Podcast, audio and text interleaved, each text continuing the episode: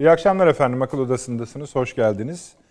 Ee, geçen salı, geçen salı dediğimiz 48 saat önce Amerika Birleşik Devletleri'nde ne oluyor ne olmuyor burada zaten enine, boyuna, dikine, yatayına hepsini konuştuk.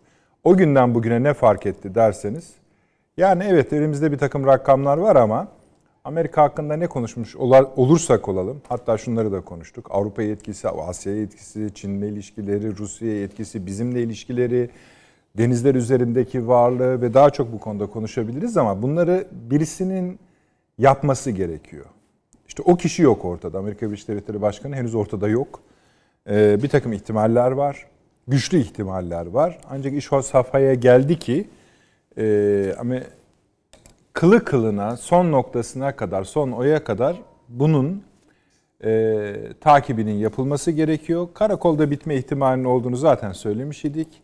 Karakola da gidildiği anlaşılıyor. Mahkemeye kadar vardığı da anlaşılıyor. Biz yayına girerken de saat Türkiye saatiyle 19.30 civarı gibi e, Başkan Trump'ın Nevada'da ki bir başka tartışmalı eyalet, problemli eyalet e, bir basın toplantısı düzenleyip bir şey açıklayacağız söyleniyor idi. Bunu şu anda takip ediyoruz. Ne olur bilmez ama herhalde seçimlerden çekilecek değil. Yine de sahaya ilişkin bir şey söyleyeceğini anlayabiliriz. Gel gelelim Amerika Birleşik Devletleri'ne ilişkin e, bir tane mesele var. Başkan yok. Yani bu seçim daha devam edecek. Biz de bu akşam biraz daha onu konuşacağız. Başka konularımız da var.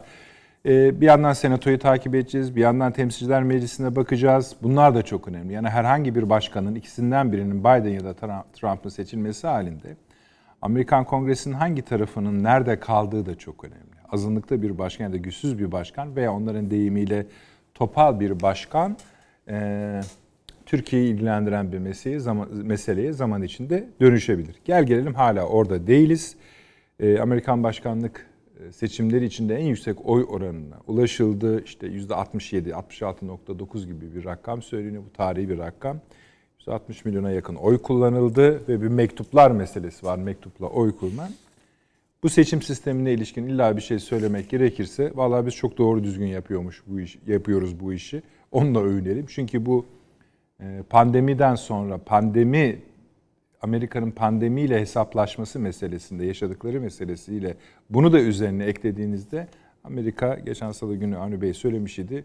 Üçüncü dünya ülkesi görüntüsü vermeye devam ediyor. İstikrarsızlık var vesaire vesaire. Amerika'yı konuşacağız. Ama bu sırada bizim tabii kendi işlerimiz var efendim. Amerika'ya tabii bir gözümüzle orayı izliyoruz ama arada bunu ihmal ettik. Çok beklenen bir konuydu. Fransa'da bu Bozkırtlar Kanunu vesaire gibi konular var. Fransa, Türkiye arasında atışmalar var. Bunların hepsini inşallah zaman yetiştireceğiz. Libya'da bir mutabakat gerçekleşti artık. 5 artı 5 askeri komitenin kalıcı ateşkes üzerine bir mutabakatı var. Bu arada da biliyorsunuz e, Saraj, Başbakan Saraj istifasından vazgeçtiğini söylemiş idi.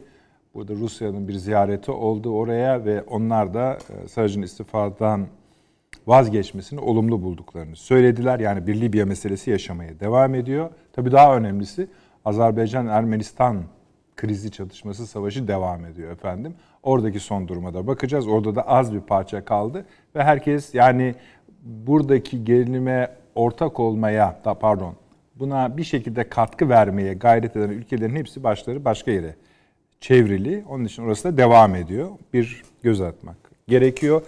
Kuzey Irak'ta efendim e, hatırlayacaksınız burada konuşmuş idik. Orada bazı gelişmeler var idi. Terör örgütü PKK ile PKK ile Barzani'nin peşmergeler arasında bir çatışma çıkacak denmişti bu masada. Çıktı da bu bizim için ne ifade ediyor ona da bakacağız.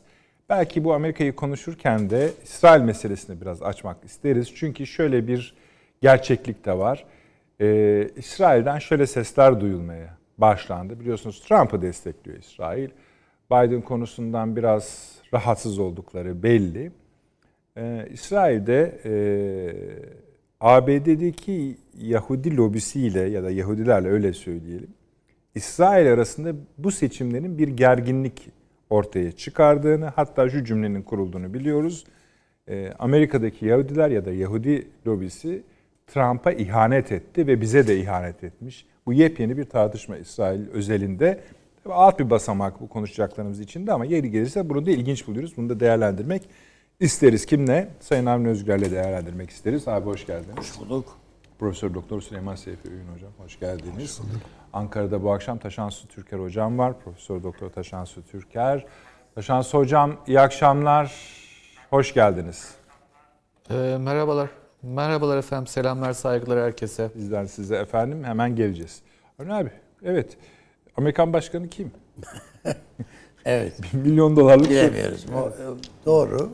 Yani bu soru henüz cevabını bulab bulmuş değil. Yani işte belki bu hafta sonu ha, niye en azından şey e, aritmetik tablo ortaya çıkabilir.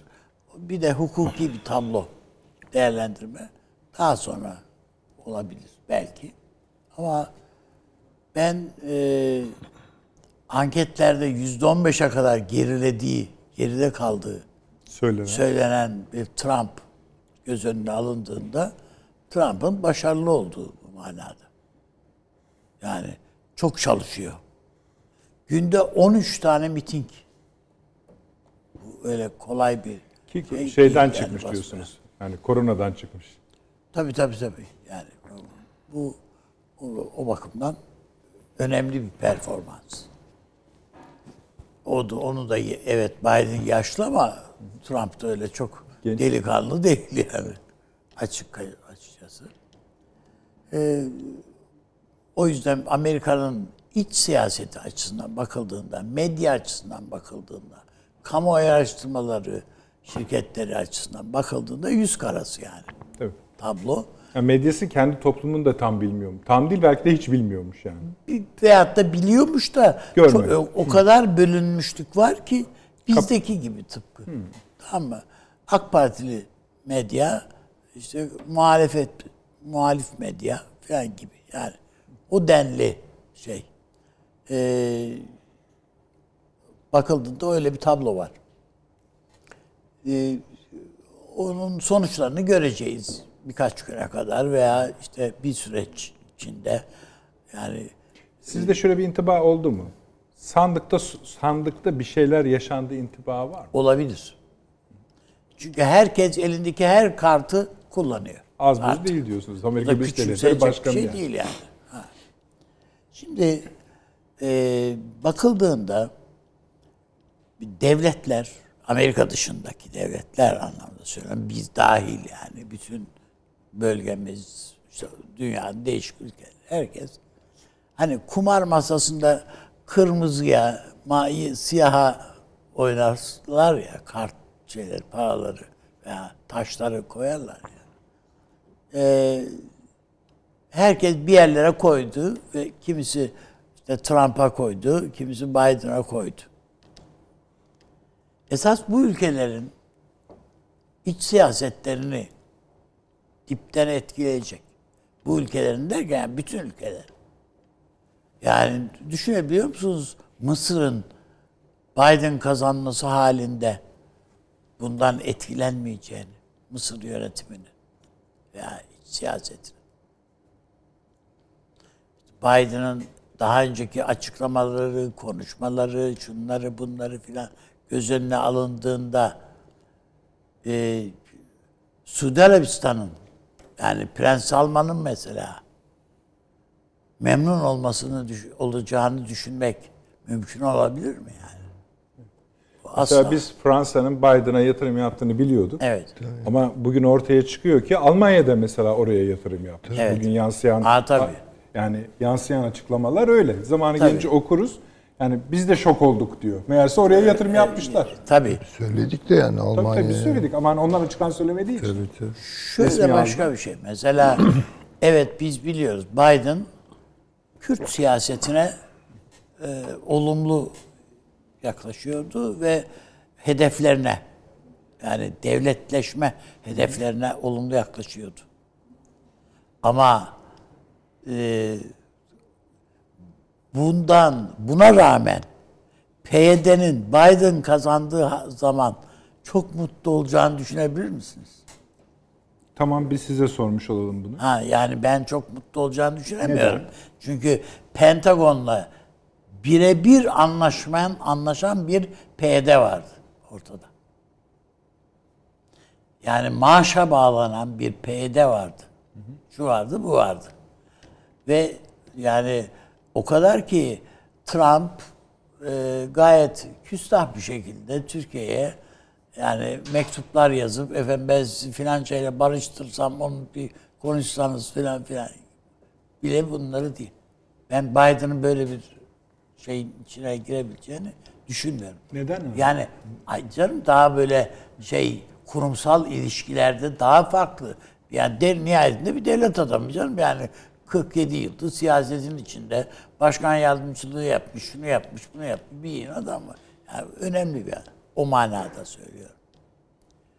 Ee, Birleşik Arap Emirlikleri ile yürü bizim adımıza orayı da vur buraya da silah ver. Şunu böyle bir siyasetin siyaset olabileceğini ve bundan gayet mutlu olabileceklerini Birleşik Arap Emirlikleri'nin Biden'dan dolayı e, hiç zannetmiyorum. Ben e, bu e, İstanbul cinayeti dolayısıyla Salman'ın filan Kaşık. bir aile orada canlarının sıkılacağını, bir emirliklerin herkese e, bir yıl soytarlığın orada sorgulanacağını e, falan düşünüyor. Ha buna karşılık işte İran'la ilişkilerini daha yumuşak. İran dört gözle bekliyor yani sonucun öyle gelsin diye. Yani aynı be- benzer şey Trump açısından da geçerli. Yani geldiği vakit birileri yani e, hani biz hesap yapamadığımız için e, Obama kazandığına sok- sokaklara çıkıp gösteri yaptıysak evet Hüseyin kazandı diye falan e, evet, mutlu olacaklarını düşünüyorlar birileri ama dediğim gibi aynı şey bizde de var yani birileri Trump geldiği vakit her şey çok iyi olacak. Güllük gülistanlık olacak. Yani bugüne kadar bize ensemize boza pişirdiğini falan unutuyoruz yani adamın. Aynı şey Biden için de Türkiye'ye ne kadar hakaret hamiz laflar ettiğini hepsine bir tarafa oturup Biden geldiğinde çok iyi olacak diyen akademisyenlerimiz var yani televizyonlarda. Yani şu kabul edelim iş siyasette de bu kollardan her ikisi siyaseten e, üm- yani temenni, ümitler barındırıyor. Türkiye'deki iş siyasi E şimdi Kimlikler düşünün yani tarafından. Türkiye'de ben biz ben muhalefeti destekleyeceğim. Diyorsa bir adam kim acaba bundan mutluluk duyar adam kazanmasından diye sorulur mu yani böyle? Havalara bakmak mümkün mü? Ha. Ama buna rağmen ben Ankara'nın bugün geçen programda söyledim salı günü biliyorsunuz Ankara'nın Biden'la bir veya danışmanlarıyla daha doğrusu Biden'la demeyeyim de danışmanlarıyla Türkiye CIA'ya dönük yaklaşımları ve siyasetiyle ilgili dirsek temasını içinde olduklarını duymuştum. Ki doğru olanıdır bu. Yani doğruyu yapmışlar yani. E, kazanması halinde ne yapacak? Öbürü de kazanması halinde ne yapacak? E, o açıdan da ben Türkiye'nin yalnız siyasetinin değişmeyeceğini, ne Azerbaycan siyasetinin, ne Karadeniz siyasetinin, yani geri adım atam, atma, atamayacağımız kadar ileri, ileri çıktık biz. Yani Türkiye işte F-35'lerde ısrarlı olacaktır. Ee, S-400'lerde bu son yapılan açıklama, NATO'dan filan gelen açıklamalarda biliyorsunuz daha ileri adım atılmaması şeklinde bir yaklaşım vardı Amerika'da. Yani o test dışında belki Türkiye orada ihtiyat şeyi olarak onu muhafaza esasında edebilir. bütün adımları atmış oldu Türkiye S-400'ler konusunda. Çünkü Hayır hayır, hayır. Amerika- Tamam Anladım. elbette ha, tabii ben öyle. de aynı kanaatteyim ama Yani e, Bundan sonra zaten hani bir tek şey kalıyor savaşta kullanmak. Başka bir şey kalmadı ki. yani işte bir savaş gerçekleşirse zaten Kimse ona bir şey o diyemez. şunu şunu niye kullanmadık diye şey yani çok ayıp olur falan diyecek halimiz yok. Yani e, ama Türkiye o konularda daha temkinli e, olabilir diye düşünüyorum. Ama onun dışında Libya'dan geri mi adım atacağız? Ee, Suriye'den bu kadar hem şehit vermişiz hem e, iddiayı ortaya koymuşuz. Yani çekilecek miyiz yani? Böyle bir şey olabilir mi? Hayır. Türkiye'nin bu adı- adımları zaten Amerikan başkanlarına göre değil, Amerika'ya rağmen atılmış adımlar. Bir kısmı Amerika'ya Evet, rağmen. bir kısmı doğru, da- hepsi değil. Ama Doğru. şu Amerika'nın bilgisi dahilinde. Bilgisi. E tamam. Biz bizden başkandan- rahatsız, bize üzerimize baskının gelebileceği belli şeyler var. O da İsrail'le ilişkimizdir. İlişkilerimizdir. O da ayrı bir şey. Yani yüzyılın planı meselesini falan ayrıca konuşmak lazım. Çünkü ne olacak şimdi eğer Biden apayrı Biden işte. gelirse başka, Trump gelirse e, başka. Yani devam edebilir bu işler. Yani Türkiye açısından da öyle, diğer ülkeler açısından da öyle farklı farklı değerlendirmeler yapılabilir. Ama ben Türkiye açısından tabii kendi ülkemizle ilgili düşünüyorum. Hem Dışişleri Bakanlığımızın hem de tabii e, akademisyen ve hatta işte o sivil toplum örgütleri var ya bir takım analiz, uluslararası ilişkiler analizleri yapan şeyler, şirketler. Keza işte Milli Savunma Üniversitesi falan gibi kurumlar. Bütün Türkiye'nin e, Amerika ile ilişkilerini veya uluslararası siyaset yaklaşımlarını değerlendirmelerine ilişkin analizleri, dosyalarını hepsini tekrardan indirip yeni baştan okumaları gerektiği. Yani bu böyle olunca nasıl olur? Zaten biz de eğer, Biden kazanırsa zaten biz de öyle yapacağız. Hayır, bütün medyanın da. Tabii. Medya okumaz canım o yani daha yumurta gibi günlük yaşadığı için yani o onu bir okuma olacağını zannetmiyorum. Çünkü dün dün değil evvelsi gün herhalde bir mankene soruyorlardı en son. Ne diyorsun Trump mı kazanır diye. Kız Amerika'da mimarlık mı okuyormuş bir şeymiş falan filan. Böyle yani YouTuber'mış. Falan. Ona sonra yani, o seviyeye kadar geldi yani bu iş. Şimdi her, onun da yani ona onu- onun ne kadar suçu Hayır, var bilmiyorum. Tabii canım yani. yani. bu nasıl oluyor ben bilmiyorum.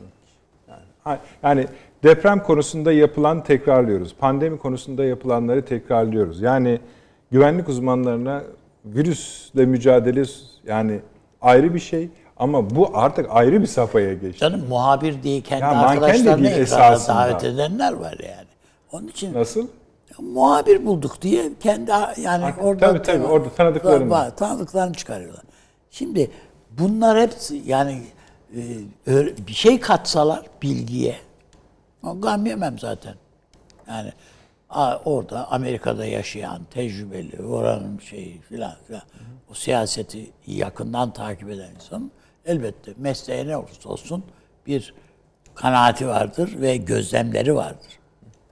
Hiç hiçbirisi ama bağlananların hiçbirisi bir iki tane bizim gazeteci tanıdıklarımız daha hariç yani işte Bora filan da orada Ha, tabii canım hani efendim hariç e, onlardan yani onların değerlendirmelerinden bir şey diğerlerinin değerlendirmelerinden bir şey öğrenemiyorsun.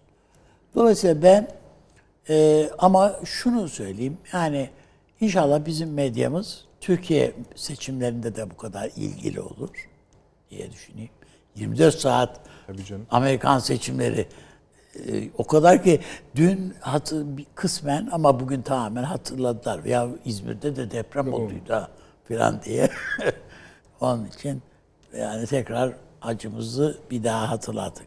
tabii canım mahalle komşumuz gibi eyaletler değerlendiriliyor. Yani ben evet, Türkiye genel Georgia'da seçimde ne oluyor diye kendi arkadaşın soruyor ya.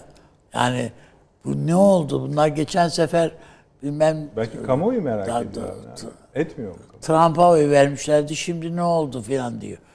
De vallahi bilmiyorum. yani bu Sivas, Tokat, şurası burası değil ki bile bir şey söyleyelim. Yani bilmediğimiz için bir şey de söylemiyoruz. E sen bir de gazetecisin kardeşim ya sen nasıl bilmezsin filan. oluyor. Georgia'nın köyünde şey ko- yani komik zorunda. bir şey yani evet. Peki. Wisconsin diyor ya çocuk. yani tanıdığını insan söylüyor bunu. Tabii. Hayır yani en üst seviyede Şaşırmamak mümkün mü dedi ya birisi. Bana yani ne diyebilirim? ama yani? ilgisi olabilir kamuoyunun. Acaba sen onu tartabiliyor muyuz? Yani mesela Türk kamuoyunun gerçekten bu kadar yoğun ilgisi var mı? Belki de vardır. Türk kamuoyunun nelerle Yoksa ilgili olduğunu, ilgisi hayır canım yani nelerle ilgili olduğunu hepimiz biliyoruz kardeşim. İşte bizim bu işte emeklilik durumumuz ne olacak? Yediğimiz içtiğimizin işte enflasyon durumumuz ne olacak? Şu bu filan yani bizim iç kamuoyumuzun şeyleri bu. Bu e, deprem herkesin şeyi yani sarstı. Bu deprem burada bitmeyecek. Tekrar acaba biz bunu unutup yine eski havalara dönecek miyiz? Yani insanlarımızın merak ettiği şeyler bu. Allah'tan ben daha önce bir söyledim zannediyorum geçen programlarda bir tanesinde. Ee, ben bu depremin, İzmir depreminin Türkiye'de bir silkinmeye inşallah vesile olacağını düşünüyorum. Yani sadece yeni binalar yapalım, bitsin bu iş, defteri kapatalım. Bundan ibaret değil. Nitekim İstanbul'da filan biliyorsunuz işte e, Güzelce diye bir bölgede, Ümraniye tarafında filan e, bir ka- radikal bir takım kararlar alınıyor. Ama esas olarak mecliste bir hazırlık olduğunu düşünüyorum. Partilerin ortaklaşa. Yani e, hani bir örnek verdiler ya e, kat malikleri toplantısı yapılamadığı için bizim binayı koruduk efendim. Yoksa e, yıkılma yıkımdan yani yıkıp yeni bir şey yapabilirdik ama kat maliklerini toplayamadığımız için başımıza bunlar geldi diyen insanların durumları onların falan ben hepsinin çok iyi örnekler olduğunu düşünüyorum. Peki. Zaten Zaten bu önümüzdeki dönem bu manada bizim kendi gündemimiz bizim için önemli. öyle. Türkiye'nin Irak gündemi bizim için önemli, Önemli. kardeşim. Bu e, PKK meselesi fevkalade Yani önemli. Suriye'de önemli. Yani konuşacağız zaten. Tabii. E, Suriye meselesi önemli. Hala bir takım şey, yerlerde şehitler veriyoruz. Önemli. Azerbaycan bizim için hayati derecede önemli bir konu. Keza Libya'da öyle. Yani bunlar Türkiye'nin esas şeyleri, duyarlılık noktaları. Şu anda Türkiye kendi sinir düğümleri üzerine te- zaten son iki yıldır, birkaç yıldır tamamına teksif olmuş vaziyette, yoğunlaşmış vaziyette Türkiye. Öyle. Bunlardan gözünü çevirmeyecek. İnşallah e, yani Türkiye'yi bu dikkatle, dikkat, e, bu nazarla e, caydırmak isteyecek gelişmeler olmaz. Yani olsa da zaten söylediğiniz hani e, pek öyle durmuyor Ankara. Yani bundan hani çekinecek. Sağlam duruyor. Sağlam duruyor. Evet, Şöyle yapalım açık. Süleyman Hocam. İlk reklamımızı bir verelim. Programın başında olduğu için avantaj yaratsın bize. Daha rahat konuşalım, uzun konuşalım. Kısa efendim hemen geliyoruz. Bir dakika reklam arası. Haberin sosyal medyası gzt.com sizi çok farklı bir okuyucu deneyimine davet ediyor. Merak ettiğiniz sorular yanıt buluyor, henüz duymadığınız şaşırtıcı konularsa karşınıza geliyor. Yorumlarınıza editörler cevap veriyor, arkadaşlarınızla paylaşmak isteyeceğiniz eğlenceli içerikler hazırlanıyor. Sizler için kamera karşısına geçiliyor ve olaylar sıkmadan ve anlaşılır şekilde anlatılıyor. Özel infografikler, videoların yanı sıra burada sayamayacağımız sayıda farklı dergiler. Şimdi telefon ekranınızı daha da anlamlandırmak için sizi davet ediyoruz. GZT uygulamasına iOS ve Android marketlerden kolaylıkla erişebilir, pişman olmazsınız. Mutlaka indirin. Reklam arası sona erdi. Akıl Odası devam ediyor efendim. Süleyman Seyfi Öğün hocamla yürüyeceğiz biraz daha. Evet, bir genel değerlendirmenizi alayım. Birkaç sorum var benim ama Amerika'ya ilişkin değil de birincisi seçimleri nasıl gördünüz? Yani ortaya bir sonuç çıkmaması hali seçimlerin kendisinden bağımsız değerlendirilebilir ayrı konu. Ama seçimleri nasıl gördünüz? Mesela Valla çok siz de Avni Bey gibi hani işkillendiniz diyeyim tırnak içinde. yani çok kötü bir seçim sistemleri var. Bu çıktı ortaya. Yani şimdi şu söyleniyor işte Amerika'da kurumsalcılarla bir manada siyasetin başı bozukluğu arasında bir kavga var. İşte Biden kurumsal e, yaklaşımı temsil ediyor. Öteki başına buyruk işler yapıyor filan. İyi de o kurumlarda problemler çıkıyor işte ortaya. Yani şimdi mesela Nedret Bey siz en son ne zaman bir yakınınıza veya bir akrabanıza mektup yazdınız Allah aşkına yani? Bitti bu işler değil mi yani? O eski tamam Gayet. nostaljik hikayeler var. Bak postacı geliyor türküsü. Postaneden gelen şeylerin artık bir büyüsü yok. Faturalar, maturalar bir şeyler geliyor. Eskiden Hatta mektup bekliyor. onlardan da mümkün mertebe dijitale geçmek arzusunda. arzusundayız. Amerika gibi, Amerika Birleşik Devletleri gibi yok siber akıl, yok şu, yok bu, teknoloji bilmem ne filan diyen bir ülkede posta ile oy kullanılıyor. Bu anlaşılır bir şey midir sizce? Daha şöyle bir şey var Süleyman Hocam. Siz mesela duydum, duymuş muydunuz bilmiyorum. Duymuşsunuzdur muhtemelen ama mektupla oy kullanma meselesi şöyle. Sizin bu oyunuzu mektupla kullanabilmeniz için kendinizi bildirmeniz gerekiyor. Kime? Oyu atacağınız partiye.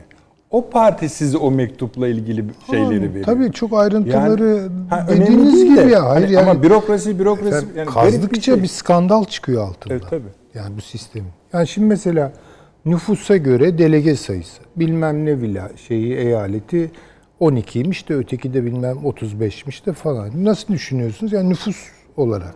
Hayır. Siyah beyaz oranlarına göre. Hala. Böyle bir kepazelik olabilir mi yani? Bu, bu nasıl bir şey? Akıl almaz bir sistem. Daha çok oy alan kaybedebiliyor. Ya bunu yapamadılar mı Allah rızası için? Yani dersiniz ki işte biz siber devrimi yapmış Hayır, bir çoğunluk toplumuz. sistemi falan var ki hiç dünyada yani efendim, demokrasi gayet basit. hiçbir ülkede geçerli değil. öyle. Tabii ki yani. Hakikaten e, akıl hani diyoruz ki tabii Amerika'yı bilmiyoruz orada yaşamıyoruz. Oranın şartları, yerel dinamikler falan.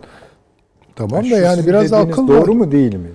Daha çok oy alan seçimi kaybediyor mu etmiyor mu? Ediyor Bu bir işte, vaka değil mi? ediyor. Daha önce yaşanmadı Tabii, mı? tabii. E tamam konu başka ne konuşacağız? Yani şimdi mesela diyelim bilmem ne eyaletinde bir oyla ben e, rakibimi geçiyorsam bütün parsayı topluyorum. Bu da bir tuhaf. Öbürleri ne oluyor? Onların temsili ne oluyor? Hocam Kevin Costner'ın bir filmi var. Bütün Amerika'da e, oylar veriliyor veriliyor. Böyle oğluyla küçük oğluyla yaşayan bir biraz da ay yaş bir adam bir Amerika'da küçük bir kasabada. Her şey onun oyuna kalmış. Her Yani yeri eşit. Bütün partiler onun için sırf ayrı kampanya yapıyorlar filan. Yani önemli bir film. Kime oy versem filan gibilerden bir ismi var filmin. Şu anda adı, adını hatırlamıyorum ama bizim televizyonlarda filan da gösterildi Gösterildi. yani. Peki. Şimdi hakikaten kazdıkça nahoş kokular geliyor. Bu seçim sistemleri Allah'lık Ali Bey yani. Ee, ve bunu da yenilemiyorlar da yani. Israrla da böyle devam ettiriyorlar. Şimdi ben bu celebrity'nin fotoğraflarını filan gördüm. Yani bir şarkıcı ne bileyim veya akt- aktrist biraz da böyle vamp bir poz veriyor. Posta kutusuna atıyor falan. Ya posta kutusu sandık mı demek yani? Sandık bir değil mi? Bir heyetler olur bir yani evet eylem aynı eylem. Zarf içine bir şey koyuyorsunuz ve bir kutunun içine atıyorsunuz. Ama aynı şey değil ki o. Dolayısıyla çok spekülasyona açık. Ve Trump bunu da gördü. Demek ki Amerika'da bile bu işte bir tuhaflık var. Yani hadi biz dışarıdan anlamadık diyelim de yani Amerika'da da bu bir tuhaflık olarak algılanıyor. E, dolayısıyla üzerinde çok spekülasyon yapılabilir. Çok sürprizlere açık. Yani bir bakarsınız işte Trump kazanıyor gibidir. Ondan sonra bir bakarsınız işte Biden derken tersine dönebilir. E şimdi öyle konuşulmuyor mu işte Nevada'da bilmem ne olursa işte Georgia'da falan derken böyle tuhaf birden Trump'a dönebilir, birden Biden'a. Temayüllere göre de güvenemiyorsunuz yani nereye gidiyor iş bile. Bilemiyorum. Yani seçim sistemleri hakikaten bir harita tuhaf. üzerinde biraz daha şeye yakın duruyor. Biden'a yakın duruyor harita. Taşan Hoca'ya da danışırız Yani biraz tamam sonra. olabilir ama yani bence bu Türk televizyonlarında biraz fazla konuşuluyor ve lüzumsuz konuşuluyor. Yok oradan şu kadar olursa da bilmem ne ne olur. Ya zaten olacağına bu çok önemli. Bir de başa baş yakın olması, çok yakın olması bu çok önemli.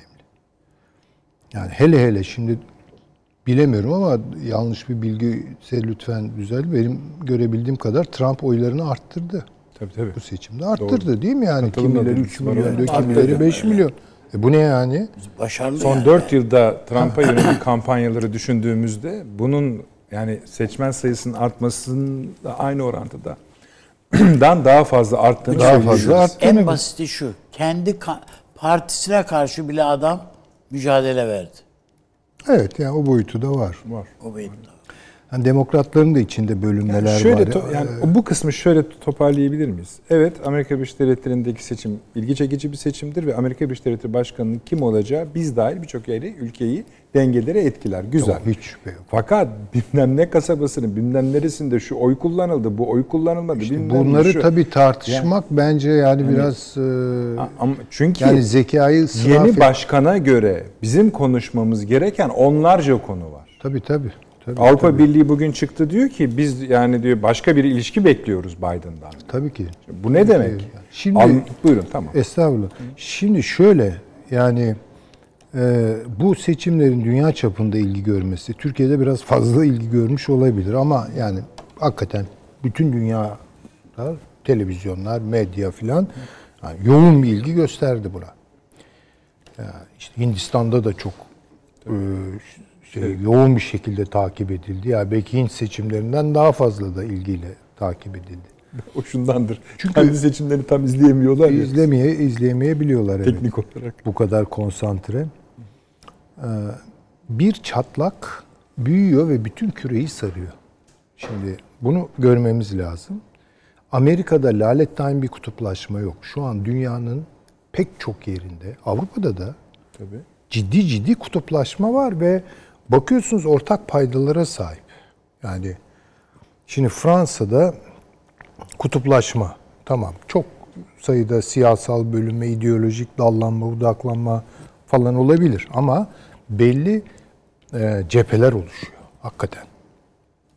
Ve o cephelerin tematiklerine baktığımız zaman yani çok büyük benzerlikler var.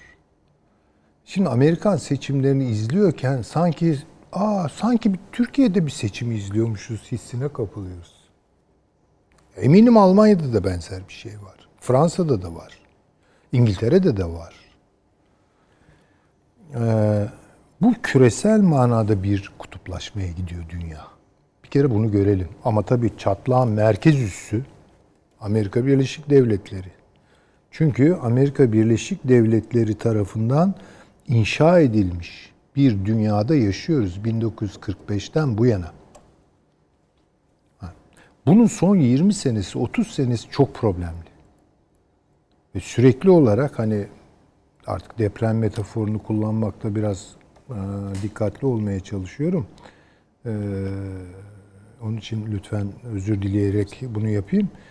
E, bu işin bir merkez üssü var. O merkez üssünden başlıyor ama dalga dalga bütün dünya. Rusya'da da bu bölünme var. Adı başka türlü konuluyor olabilir ama bütün dünyada bir sağ, popülistik, milliyetçi, içe kapanmacı bilemem yani tematikleri Batı ayrıca çalışan ziyadesiyle olduğunu söyleyebilir miyiz? e, tabii ki var yani. Diğerlerine- Şimdi Fransa'ya bakın Le Pen diye biri Öyle. çıkıyor işte karşınıza. Yani e, işte Hollanda'da var, e, bilmem Avusturya'da var. Nereye elinize atsanız benzer şeyler çıkıyor. Bu tabii e, bir internasyonel oluşturmuyor. Ama sempati ilişkileri oluşturuyor. Şimdi mesela bu Türkiye'deki Trumpçılığı ben biraz böyle görüyorum. Yani eskiden Mehmet Ali, Muhammed Ali Clay maçlarını seyrederken yumruk attıkça İslam yumruğunu vuruyor falan gibi hislerle seyreder. Bu daha anlaşılır bir şey ama Trump'ta ne buluyorsunuz yani? Trump'ta ya Trump'ı e, Trump'ın kazanmasını isteyenler dünyada biraz meşrep benzerliği gördüğü için yapıyorlar. Çünkü ne diyor adam? Amerika'yı büyüteceğim diyor, kapatacağım diyor, içinden kalkındıracağım diyor falan. Bunu yani Hocam, o benzerliği sadece e, diğer ülkeler kurmadı. Yani Batı ülkeleri de yani kapakları tabii, hatırlayın. hepsinde var Yani yani. Time'ın kapağı, Tabii, Newsweek'in tabii, kapağı, tabii. Amerikan gazetelerin şu şu şu liderler aynı diye. Tabii. Ama aslında bu içe kapanmacı bir tür bu siyasal bir monadoloji bu yani e, şeyin filozof Leibniz'in böyle monatları vardır yani. Şimdi aynı yerde koordinat olarak yer alabiliyorsunuz ama o monatlar da kendi arasında kavgalı oluyor. Yani bunu bilelim. Onun için Trump'ın işte o utanmaz mektubu, işte Türkiye'ye tehdit savurmaları falan Mahvedelim bunlar unutulmaması lazım gelen şeyler. Diğer taraf ise yani karşı taraf ise işte dünya Biden'cılığı diyebiliriz. Buna Biraz baydılar ama olsun. Yani buyurun. neyse ama e, işte bakıyorsunuz aynı şey. Yani şimdi mesela bir Amerika'da oyların dağılımı meselesine bakıyorum. Kıyılar Çok beğendim. değil mi çok benziyor. Ve işte Yani orta paranteze or- alınmış. yani bunu hatırlıyoruz değil mi? Bu işleri hatırlıyoruz yani. Ama o, o e, grup, o diyelim cephenin öbür tarafı e, daha internasyonalist. Yani bunu bunu daha dayanışmacı. Daha dayanışmacı. Ee, bu böyle de gidecek. Bir buhran devrini Parantezler yaşıyoruz. için söylediniz değil mi? Efendim? Daha dayanışmacı. Tabii olan, tabii, tabii. Çok daha dayanışmacı. Yani Avrupa'da bugün Biden diyen niye dediğini çok iyi biliyor. Ve bundan ne beklediğini de çok iyi biliyor. Diğerlerinde ihtimaller var. Yani kavga da ederiz, pazarlıkla anlaşabiliriz de falan. Yani şimdi baktığınız zaman işte Putin'le e, diyelim ki e, Trump yani biraz omuz atarlar birbirlerine ama sonra bir bakarsınız bir yerde kol kola girebilirler. Sonra yumruklaşabilirler. Yani biraz daha farklı oradaki tablo. Diğeri öyle değil ama çok daha bence organize. Yani bunu görmek durumundayız. Buna ne diyeceğiz? Yani bir at takmakta da zorlanıyorum çünkü e, yani tam oturmayabilir. Düşünülmesi ve doğru kavramlaştırılması gereken bir Yani güçlü işbirliği yapıyorlar Evet aralarında. evet yapıyorlar tabii ki. Bu çok açık. Yani bütün dünyada yapıyorlar bunu.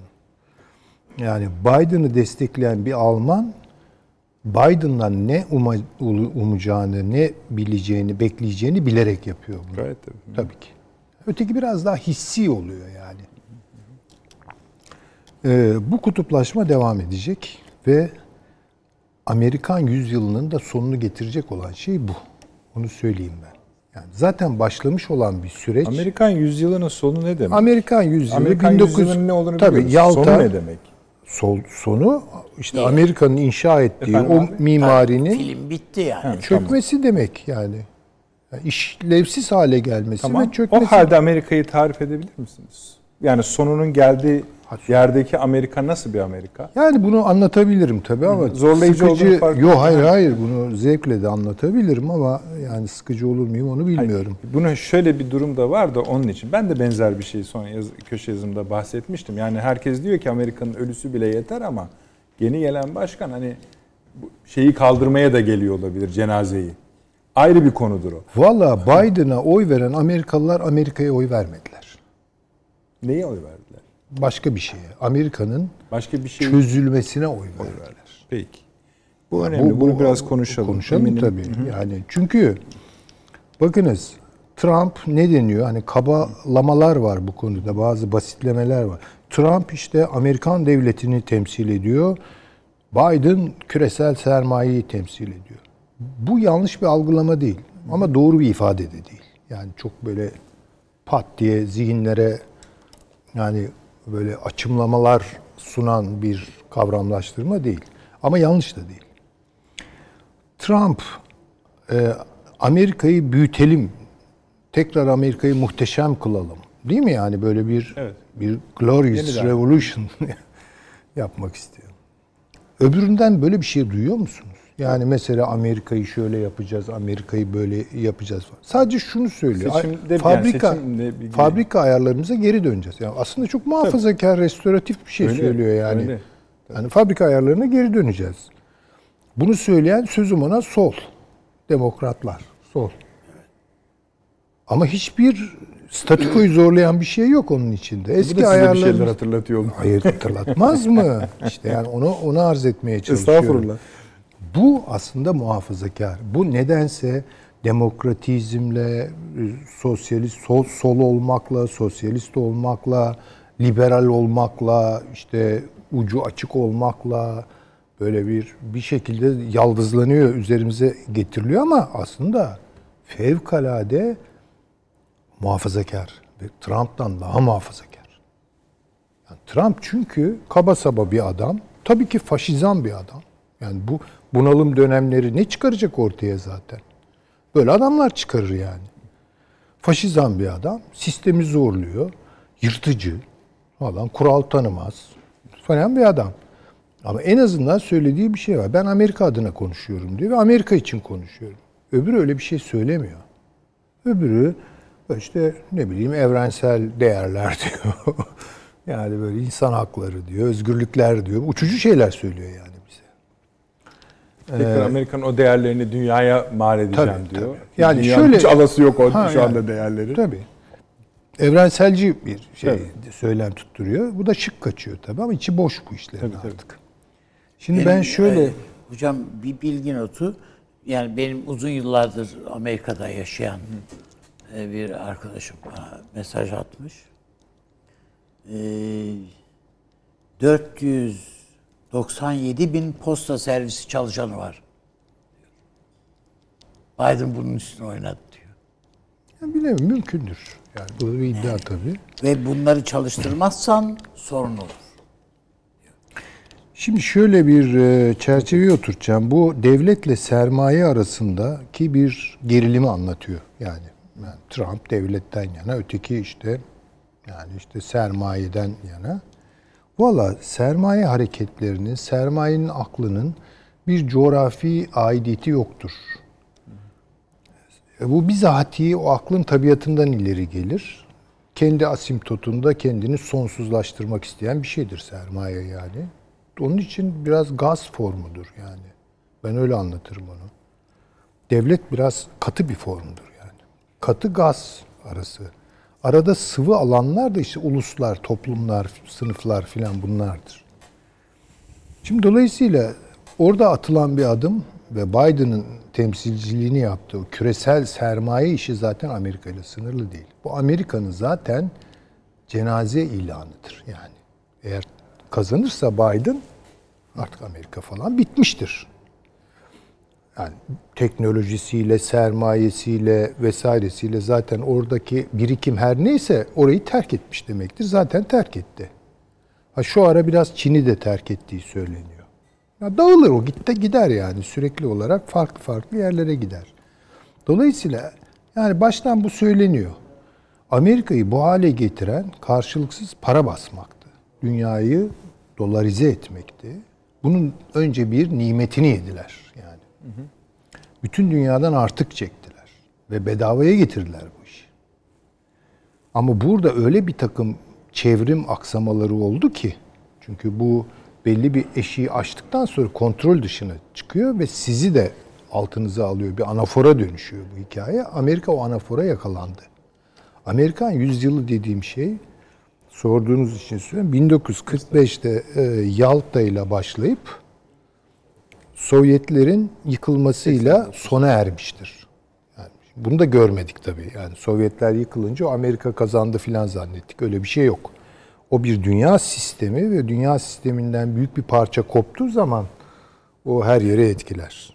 Yani dolayısıyla tsunami'sini şimdi görüyoruz. Yani orada evet deprem oldu, Sovyetler yıktı. Tsunami bugün Amerika'yı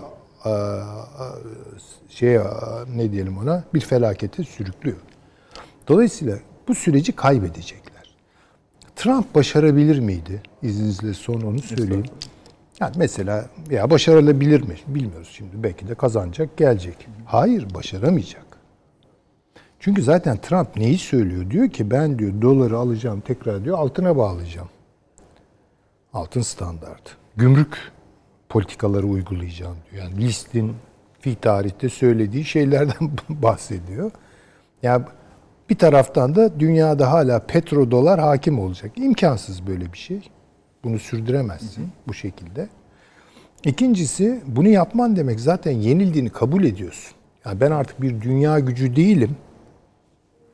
Yani ben biraz kendi işime bakacağım. Dediğiniz zaman zaten dünya iddianızı kaybediyorsunuz. Yani Trump'ın söylemi dünya iddiasını kaybedip kendini onarmaya adanmış. Değil mi? Ekonomik olarak onarmaya Ama bu da adanmış. önemsiz bir şey değil yani Amerika Ha, Önemsiz bir bakınca. şey değil ama reel bir şey değil. Şimdi bazıları bunun çok sağlıklı ve sonuç alacak bir şey olduğunu.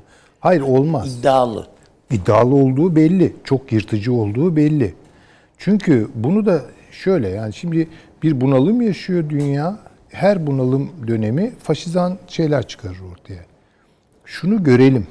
Yani tabii insanlığa büyük acı çektirdiği için işin o tarafı gör- görülmüyor. Ben Charlie Chaplin'i çok severim. Bütün zamanların en büyük sinema dehası olarak görürüm ama diktatör e, şeyinde Filminde. filminde çok kötü bir performans çizer. Yani Hitler'i bir böyle işte manyak gibi yani Tabii, böyle aptal, evet. aptal, Dalga geçecek, falan. komedi Hayır, hayır, unsuru öyle gibi bir şey gösterir. yok. Tabii. Öyle bir şey yok. Bu çok Aslında son derece Çok yanlış. ciddi bir şeyi yumuşatır, Yumuşatır, sulandırır. Sulandırır. Doğru. Onu karikatürleştirirsek onu anlamayız. Çünkü Hitler Weimar gibi bitmiş bir cumhuriyet ki işte 1930 bunalımı, 29-30 bunalımı ve Weimar Cumhuriyeti de para bastı. Ve o çözülmesinin sebebi o, çürümesinin sebebi o. 33'te iktidar olduğu Hitler 39'da bütün dünyaya savaş açtı. Tam burada biraz mola verelim mi? Peki. Peki. Çünkü asıl ben sizden şunu da alma arzusundayım. Bu çözülme işini Amerika Birleşik Devletleri'nin çözülmesi meselesini daha da tarif etmenizi rica edeceğim. Estağfurullah. Ee, yani biraz daha böyle tutar hale getireyim ki çünkü bu biraz şeye benziyor. Bununla bunun üzerine konuşmak. Hani Ama şu bağlantı kop, O- onu- kopuk. Yani Ben bir şey söyledim o bağlantıyı bir iki cümleyle Olur, kurayım. hayal, yani buyurun, çok tamam, uzatmayayım e, bunu. Dolayısıyla e, İngiltere'nin hakim olduğu dünya hegemonyasının çözüldüğü bir dönemde Hitler bu performansı gösterdi. Anladım. Ama e, aynı performansı performansı çözülen bir Amerika içinde e, Trump'ın gösterebileceğinden hiç emin değilim. Bir de benzerlik kuruyorsunuz. Hayır yani oturmuyor. Herhangi- Benzerlik var. Ha, Ee, evet. Dolayısıyla bir çağrışım yapıyor. Kaldırır. Ya bu adam bu Amerika'yı ayağa kaldırır. Kaldıramaz. O iş bitti. Amerikan yüzyılı bitti. Bitti. Onu söyleyebilirim. Yani ama ayrıntılarına gireriz. Tabii tabii yo, önemsiyorum ben bunu. Onun bir tarif etmekte fayda var. Şimdi bir Taşans hocam görebilir miyim ekranda arkadaşlar? Taşans hocam sizi beklettik farkındayım ne olur kusura bakmayın. Ee, reklamlarımız biraz fazla olduğu için biraz onları elemeye gayret ediyorum. Onu da bitirelim yine size de uzun bir Tabii ki. konuşma süresi ayırayım izninizle. Hemen geliyoruz efendim. Bir dakika reklam arası. Haberin sosyal medyası gzt.com sizi çok farklı bir okuyucu deneyimine davet ediyor. Merak ettiğiniz sorular yanıt buluyor, henüz duymadığınız şaşırtıcı konularsa karşınıza geliyor. Yorumlarınıza editörler cevap veriyor, arkadaşlarınızla paylaşmak isteyeceğiniz eğlenceli içerikler hazırlanıyor. Sizler için kamera karşısına geçiliyor ve olaylar sıkmadan ve anlaşılır şekilde anlatılıyor. Özel infografikler, videoların yanı sıra burada sayamayacağımız sayıda farklı dergiler. Şimdi telefon ekranınızı daha da anlamlandırmak için sizi davet ediyoruz. GZT uygulamasına iOS ve Android marketlerden kolaylıkla erişebilir, pişman olmazsınız. Mutlaka indirin. Reklam arası sona erdi. Evet efendim Akıl Odası devam ediyor. Hararetli bir yerde kalmıştık. Amerika'nın çözülüşü üzerine konuşuyoruz ama Taşans Hoca ile devam edeceğiz. Görebilir miyim arkadaşlar hocamızı? Evet. Taşans Hocam, şimdi size gelene kadar aslında bayağı soru da birikmiş oldu. Bir zeminde oluşmuş oldu. Hatta Süleyman Hocam bayağı da size bence muz ortalar yaptı diye düşünüyorum tırnak içinde. Ee, bir ama yani onu üçüncü soru olarak kabul edin. Bir, Amerika Birleşik Devletleri seçimlerini nasıl gördünüz? Onu bir alalım sizden. Sizde çünkü salı da konuşamadık. İki, Rusya'nın aşağı yukarı tavrını biliyoruz ama resmi bir tavır o. Şu an Amerika Birleşik Devletleri Başkanı belli olmadan ben bir şey söylemeyeyim dedi Kremlin. Geçti. Ama biraz da hala Trump'a yattığını biliyoruz da Biden konusunda acaba ne düşünüyorlar seçilirse? O e, bu üçlü ile sizi sorumlu kılarsak memnun oluruz. Peki e, ben müsaadenizle peki bu üç sorunun İşte başına dilediğinizden kendi başlayıp- notlarımdan şöyle bir dakikalık bir girizgah Buyurun e, buyurun. atma şansım Var, var, mıdır? var şöyle bir Buyurun, dünya buyurun. dünyada ne oldu ne bitti benim açımdan da e, ilginç şeyler oldu. Şimdi bir tanesi bence çok çok önemli. Şuşa'nın azat edildiğine dair Azerbaycan ordusu tarafından haberler geliyor. Ne kadar teyit edilebilir bunu bilmiyorum ama hatta BBC de diyor ki Hankendi şehrinin merkezinden bir neçe kilometre mesafededir. Azerbaycan ordusu. Han kenti biliyorsunuz artık başkent Karabağ e, Özerk Cumhuriyeti'nin. E, dolayısıyla e, bu tarz haberler var. Bu güzel haberi başta bir e, anmak gerek diye düşündüm. Şimdi tabii buna bağlı olarak e, bugün e, Zaharova'nın yaptığı, Rusya Dışişleri Bakan e, Sözcüsü'nün yaptığı e, bir açıklama vardı. İlk kez Rusya tarafından resmi olarak e, burada Suriye ve Libya'dan getirilen militanlar olduğu söylendi Zaharova tarafından. E, bu, bunu önemsemek lazım. İkili Rusya'nın görüşmelerde bakışında, söylüyorlardı. Şimdi e, resmi olarak diyorsunuz. Şimdi resmi basına söylendi. Evet. Ee, bu e, basına hani sızdırma değil, resmi yetkili ağız tarafından e, bu e, Kafkasya açısından ve Azerbaycan'ın bu kazanımları açısından önemli bir kırılma olabilir. E, bu önemli bir haberdir diye düşünüyorum. Şimdi başka önemli bir haber e, Hava Kuvvetleri Komutanımız Ukrayna'da. E, Çok önemli bence. Başka önemli bir haber Mısır'da bugün bir konuk var biliyorsunuz. Fethi Başağı. Yani Ulusal Mutabakat Hükümeti'nin İçişleri Bakanı e, bugün Mısır'da e, çok yüksek temaslı görüşmeler yaptı E, ve e, bu çok büyük bir kabul. Teşekkür ederim diye başladı zaten görüşmelerine. Orada bir Mısır-Libya ilişkileri, Ulusal Mutabakat ilişkileri, hükümetin ilişkileri açısından önemli.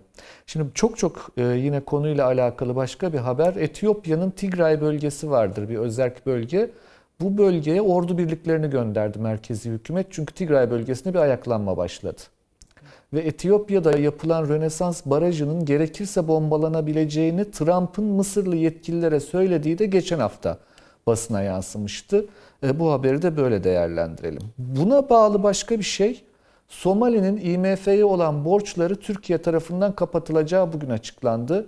Lütfen bunu bütünleşik düşünün Etiyopya ve Somali'yi çünkü Kızıldeniz hattıdır burası.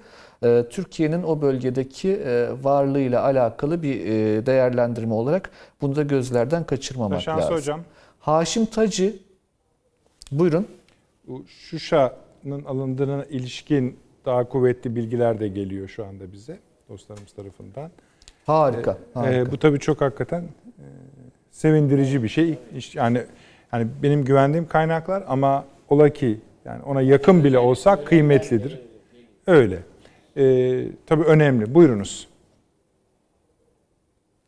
Ee, Şimdi başka bir bölge Balkanlar. Haşim Taçi, e, Kosova'nın devlet başkanı biliyorsunuz. Bugün istifa etti. Ee, Hakta kurulu olan Uluslararası Ceza Mahkemesi'nde yargılanmak için istifa etti. Çok çok önemli. Savcılık Moldova seçimleri var. Dodon Evet, Dodon ve Sandu e, yarışıyor Moldova seçimlerinde. Rusya ve Batı arasında ortadan ikiye yarılmış olan bu ülkede bu seçimler çok çok önemli ve herkesin gözü aslında Doğu Avrupa'ya dair bu Moldova'daki seçimlerde. E, Efendim başka bir şey, e, PKK ile PDK'nin çatışmaları var Kuzey Irak'ta. Ve Kuzey Irak'ta bu çatışmalar aslında beklenen bir şeydi. Çünkü belli ki orada ciddi anlamda bir güç mücadelesi var. E, Ve Barzani kuvvetleri e, o anlamda e, çok sıkıştığı için artık son e, sıkışıklıktan bir çıkış yolu bulmaya çalışıyor. Necmettin Kerim öldü Maryland'de. Yarın Neçirvan Barzani onu karşılayacak Erbil'de ve bir devlet töreniyle defnedilecek Kuzey Irak'a dair. Rosneft geçen yılın karını açıkladı. Kuzey Irak karını 330 milyon dolar. Şimdi Rosneft'in Kuzey Irak'taki varlığı her şeyden önemli, e, çok dikkatli izlenmesi gereken bir şey. Efendim başka bir şey Fransa'da Euro tartışması başladı. Ee, Euro'nun Fransa'nın e, endüstri endüstriyalizasyonunun e, önüne ket, e, barikat kurduğu, buna ket vurduğu şeklindeki tartışmalar alevlendi.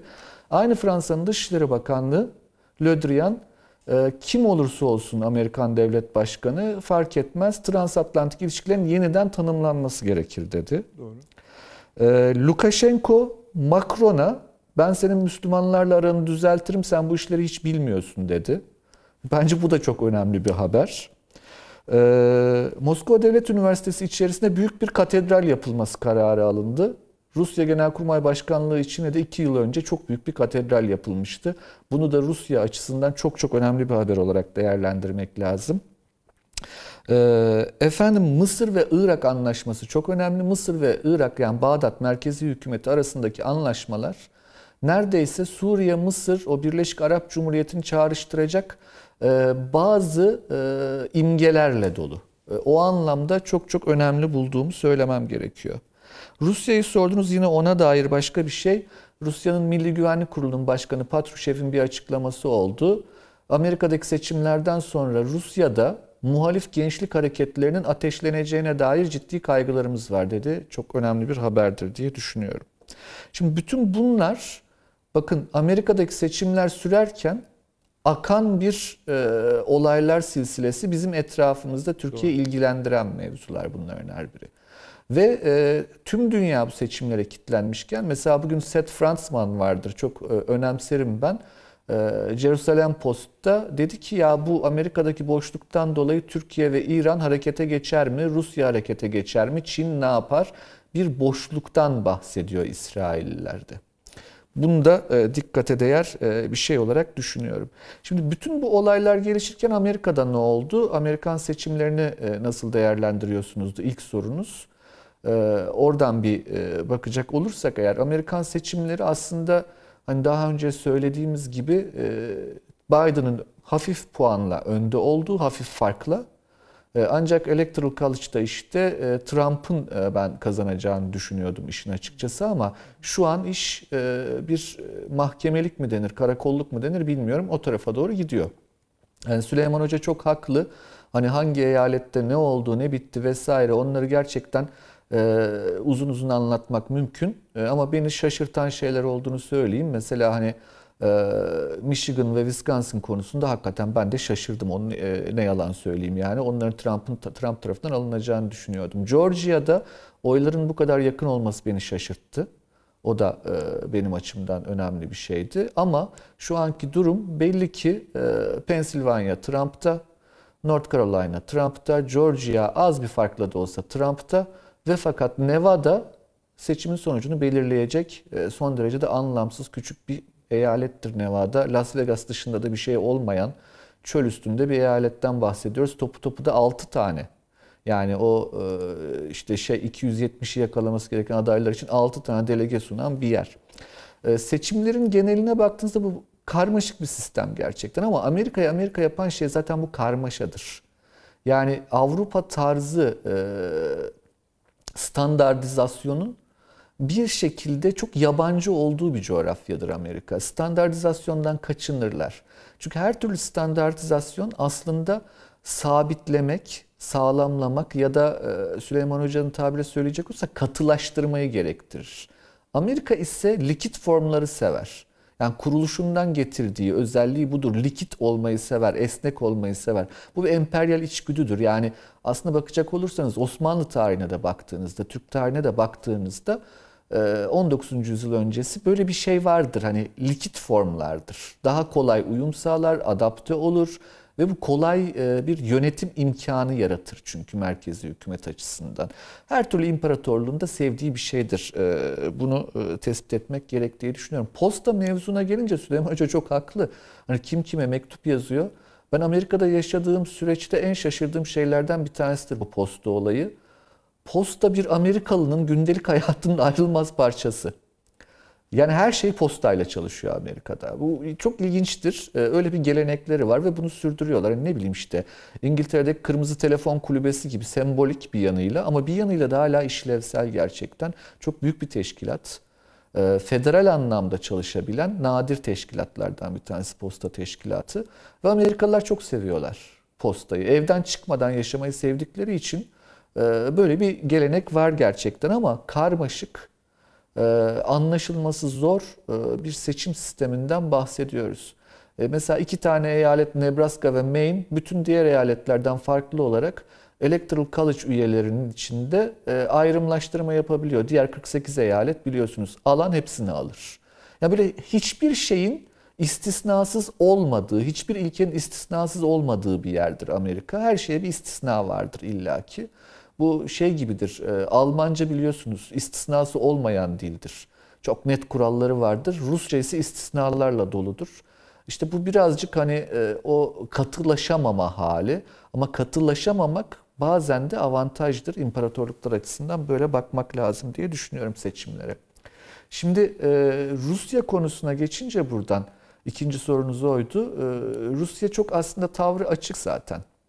Yani mesela işte iki gün önce Lavrov'un yaptığı bir açıklama vardı. Dedi ki Batı bize karşı baskılarını iki katına çıkardı.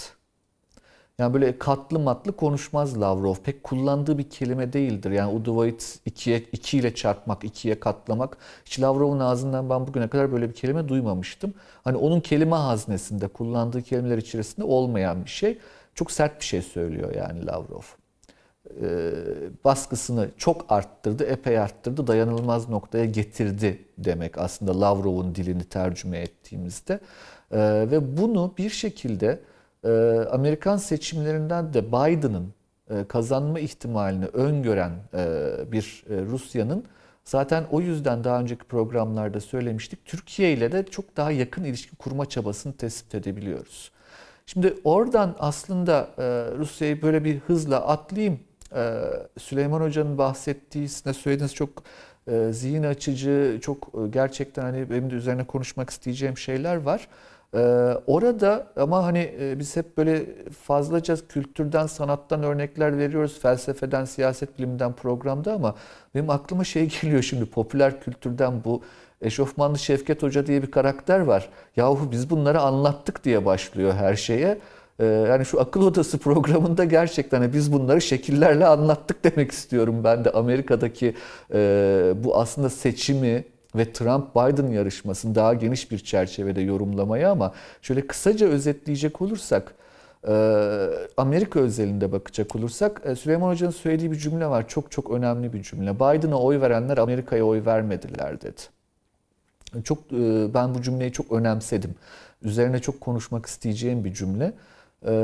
Bu Petro'ya dair Rus muhafazakarlığının kurucu babalarından Berdiyev'in bir sözü vardır. Rusya'nın bedenini yeniden yarattı ama ruhuna tecavüz ederek demişti. Şimdi bu beden ve ruh farklı şeyler olabiliyor gerçekten. Amerika'ya baktığınızda da Amerika'nın bedenine oy vermedi belki Biden'a oy verenler ama Amerika'nın kurucu ruhuna oy vermiş olabilirler. Ancak Amerika'nın kurucu ruhu bir nokta gelip de Amerika'nın bildiğimiz Amerika olmaktan çıkmasına sebep olacak olabilir. Yani şöyle söyleyelim Amerika'nın kurucu ruhundaki ilerleme düşüncesi ve o katılaşmama isteği, devamlı esnek kalma isteği bir noktada Amerika'nın kendisini yok etmesini gerektirecekti zaten.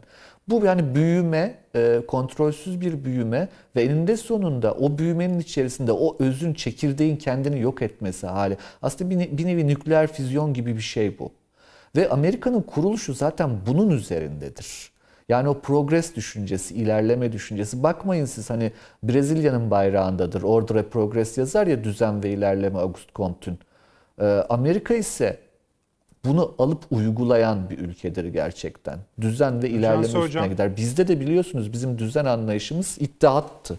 Buyurun, buyurun Nedret Bey. Şimdi tabii biraz bence e, yani siz bozmayın sakın bütünlüğünüzü de Süleyman Hoca ile örtüşüyormuş gibi gözükmekle birlikte söylediğiniz yani Amerika'nın sonu tırnak içinde söylüyorum. Amerika'nın sonu onun içinden bir şey çıkacağını da vaat ediyorsunuz. Ben mi yanlış anlıyorum? Bir, onu bilemem. Ha, hayır, Yok. Doğasını ya öyle anlatırken bir, öyle bir bunu görmüyorum ben. Anladım. Peki ama sanki doğasını Yok. anlatırken biraz bunu öyle bir vaat öyle bir vaat görmüyorum. Ola da bilir. Bilmiyorum. Ee, Peki, aslında buyurun. kendisini kendisini sönümlendirecek, o kendi çekirdek yapısını ortadan kaldıracak bir eğilim bu. Yani entropi denen bir kavram vardır ya felsefede. Her varlık eninde sonunda yokluğa doğru gider. Ee, ve büyüme eninde sonunda ölümü getirir gibi bir şeydir bu. Yani Amerika'nın kurucu değerleri de eninde sonunda bir devlet olarak Amerika'ya o Süleyman Hoca'nın çok güzel formüle ettiği katı bir yapı olarak devleti üzerinde taşıyamayacak bir akışkanlığa sahip aslında. O akışkanlığın üzerine inşa edilmiş. O yüzden hep e, bıçak sırtındaydı Amerika. Hep öyleydi. Ama biliyorsunuz bıçak sırtında olmak büyüklüğün şanındandır. Yani e, çok istikrarlı e, ama büyüğüm aynı zamanda öyle bir şey yoktur dünya üstünde. Yani iş dünyasında da böyledir. Risk alanlar büyürler ve onlar büyük olmaya devam ederler ama hep bıçak sırtındadır gerçekten. Hocam ben sizin akışınızı O hani bozmayayım. şeydir. Kaldığınız yere insanları- devam edin. Buyurun. Hayır, ben akışınızı bozmayayım sizin. Bir fazla paran şey cep E, açılmış gibi estağfurullah oldu. estağfurullah. Yo, çok güzel katkı Buyurunuz. oldu. Buyurunuz. Çok güzel bir katkı oldu. Sağ olun. Şimdi buradan efendim şöyle e, Amerika için bu iç, Amerika içi için Biden Trump'ı böyle konumlandırabiliriz ama hani birazcık daha detaylandıracak olursak bu aslında dünyada bir yarılma gerçekten. Dünyada bir yarılma ama dünyadaki yarılmanın o merkez üssü Amerika ve o merkezde farklı iki tane dünya görüşü var. Ve bakın bunu bir nevi 1800'lerin baş- e, başına yani 19. yüzyılın başına 1789 ihtilali sonrası Fransa'ya Avrupa'ya benzetmek mümkündür. Ama bir 1815 Viyana düzeni gibi bir reaksiyon gelmişti bunun arkasından. Trump da bu. Ama buna rağmen 1830'u, 48'i, 61'i vesaire bu iş devam etti. Dolayısıyla tarihi durduramıyorsunuz. Ancak Trump dedi ki yavaşlatalım bunu çünkü yok olacağız. O anlamda Süleyman Hoca'nın söylediği cümle işte Trump Amerika adına, Amerika'nın bedeni adına onu korumak için yavaşlatmaya çalıştı bazı şeyleri. Fakat tarihi durdurmak gerçekten çok zor. Yavaşlatmak belki bazen mümkün ama zor. Peki hangisi iyi, hangisi kötü? Efendim şöyle söyleyeyim yani bugünün dünyasından baktığımızda Fransız ihtilaline ya da milliyetçilik düşüncesine kötü demek e, abesle iştigaldir söyleyeyim yani. Hani e, milliyetçilik erdemdir 19. yüzyıldan itibaren. Vatandaşı yaratan, özgür insanı, bireyi yaratan vesaire. E, Dolayısıyla hani hümanizmanın bileşi, büyük bileşenidir milliyetçilik. Ama 1815 Viyana düzeni döneminde e, baktığınızda Metternich'in kaygıları o kadar yerindedir ki ulusçuluk dediğiniz şey diyor imparatorlukları parçalarsanız eğer milyonlarca insan ölümüne sebep olacaktır. Dolayısıyla hani bu zaman, zaman ölçeği çok çok önemli. İlerici, gerici kavramları bizim tarih biliminde baştan daha ilk derslerde çocuklara öğrettiğimiz en büyük hatadır. Tarihte ileri veya geri diye bir şey yoktur. Çünkü bir lineer çizgi üzerinde ilerlemez tarih. Ama baktığınızda Biden'ın ve o ideolojinin bir lineer çizgi takip ettiğini ve bu lineer çizgiyi de şöyle tanımladığını görüyoruz. Daha demokratik, daha fazla özgürlükçü. Ama nasıl tanımlıyor peki? Yani çok güzel kavramlar bunlar. Yani demokrasi, özgürlük kim karşı çıkabilir? Mesela kimliğe bağlı bir latinlik ya da kimliğe bağlı bir zencilik. Ben, ben çok e, kırıldığımı hatırlıyorum. Mesela bir zencinin Trump'a oy vereceğini söylediği zaman oradaki Demokrat Partili yetkililerin sen eğer Trump'a oy veriyorsan zenci olamazsın demesi. Yani böyle bir şey olabilir mi? İnsanları etnik kimliklerine, mezheplerine, geldikleri kökene göre hapsetmek ve onlara e, ancak sen buysan böyle davranabilirsin demek. Bu, bu dünyada yapılabilecek en büyük zulümdür ve bakın bunu 20. yüzyıl tarihinde bir kişi yaptı. Yapan kişinin adı Joseph Stalin'dir. O yüzden uluslar hapishanesi denirdi Sovyetler Birliği'ne. Her ulusu Sovyetler Birliği içindeki kendi içine kapatmak. Yani Tatar doğduysan Tatar öleceksin ve belli hakların vardır demektir bu. Bu, bu, bu bununla özgürlükçülük mü bilmiyorum. Ben cumhuriyetçiliği her zaman daha fazla özgürlükçü bulmuşumdur. Ama Biden'ın mesela cumhuriyetçiliğinde bunun eseri yok. Başka bir şey efendim.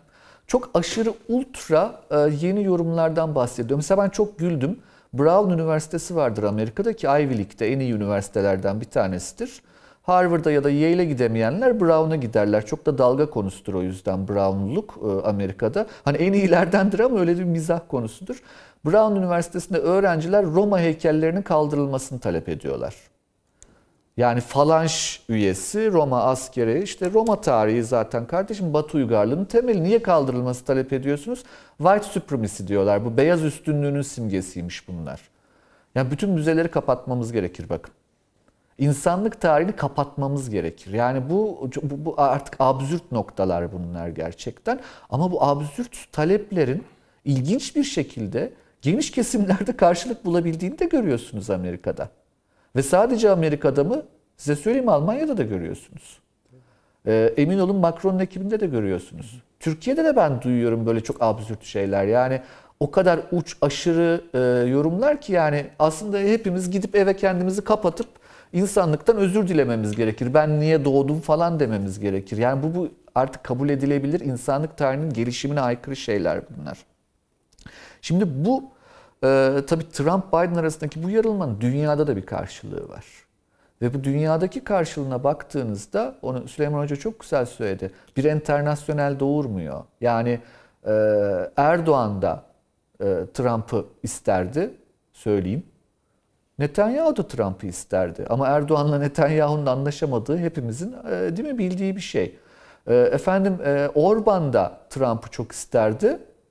E, ama Avusturya'daki Milliyetçi Parti de e, çok istiyor e, Trump'ı ama nefret ediyorlar birbirlerinden.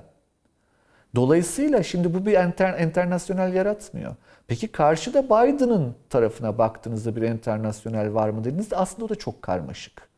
Ama yine de dayanışmasının daha kuvvetli olduğunu tespit etmek mümkün. Şimdi burada tabii bir tarihin akışı ve daha cazip olanla gelmek diye bir şey var. Trump'ın çok somut teori, projeleri vardı. Ama söyleyeyim yani afilli değil. Böyle güzel ambalajlanmış gençler şimdi şey diyorlar, şovlu diyorlar. Şovlu değil yani. Ama Biden'a baktığınızda içi boş ama çok güzel ambalaj, ambalajlanmış, afilli, çok şovlu cümleler. Yani insan bir hani şey gider yani aklı gider o tarafa doğru.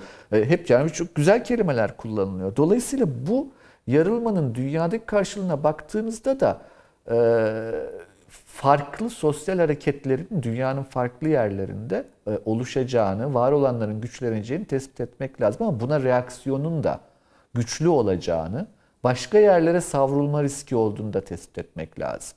Mesela Rusya sorusunu sormuştunuz yine oraya bağlayacak olursak. Petrushev'in bu açıklaması yani gençlik hareketleri yükselebilir açıklaması Rusya bilenler açısından şudur biz hazırlığımızı yapıyoruz cüret etmeseniz iyi olur demektir. Daha sertleşeceğini gösterir Putin yönetiminin. Yani e, İsrail açısından bakacak olursanız ilginç bir şey işte eski iletişim bakanı bugün açıklama yaptı. Amerikalı Yahudiler Trump'a ihanet etti dedi. E, bu bir yanıyla Netanyahu ile Trump'ın arasını iyileştiriyor eğer Trump kazanırsa ama Biden kazanırsa da bak bizimkiler sana destek verdi demek çok akıllıca bir cümle gerçekten. Hani insan hakikaten takdir, eder, et, takdir etmeden de edemiyor böyle bir cümleyi. E, ama orada başka bir şeyler olduğu belli. Şimdi peki Biden'ın hayali neydi ya da vaatleri neydi? Bakın Biden çok köklü şeylerden bahsetti. Dedi ki biz senatoda da çoğunluğu alacağız. Ve dedi ben bir şey yapacağım. Washington DC'yi ve Porto Rico'yu eyalet statüsüne çıkaracağım. 50 eyaletten 52 eyalete çıkaracağım. Bu çok çok başka bir şey Amerika açısından. Dengeleri tamamen değiştirecek, demokratların iktidarını artık e, sürgit sürdürmelerini sağlayabilecek bir imkandı. Diğer bir şey çoğunluğu kazanınca dedi Supreme Court'ta yani Anayasa Mahkemesi'ne benzer en yüksek mahkemede üye sayısını arttıracağım dedi. Bu da cumhuriyetçi çoğunluğu orada yok etmek, ezmek demek. Bakın bu köktenci. Yani biz Trump'a diyoruz yani çok keskin e, talepleri vardı. Biden'ın talepleri işin açıkçası çok daha keskin Trump'a göre. Hani bakmayın siz bugün e, ben tüm Amerika'nın başkanı olacağım dediğine, kutuplaşmayı durdurmalıyız dediğine. Şimdi Trump daha mutedil gidiyordu işin açıkçası. İç siyaset açısından baktığımızda. Ee, ancak burada tabii e, bu dünyadaki yarılma buradaki yani Amerika'daki kimin kazanacağıyla doğrudan doğruya ilgili. Neden ilgili? Belki hani bunların üzerine daha fazla konuşmak gerekecek. Peki hocam.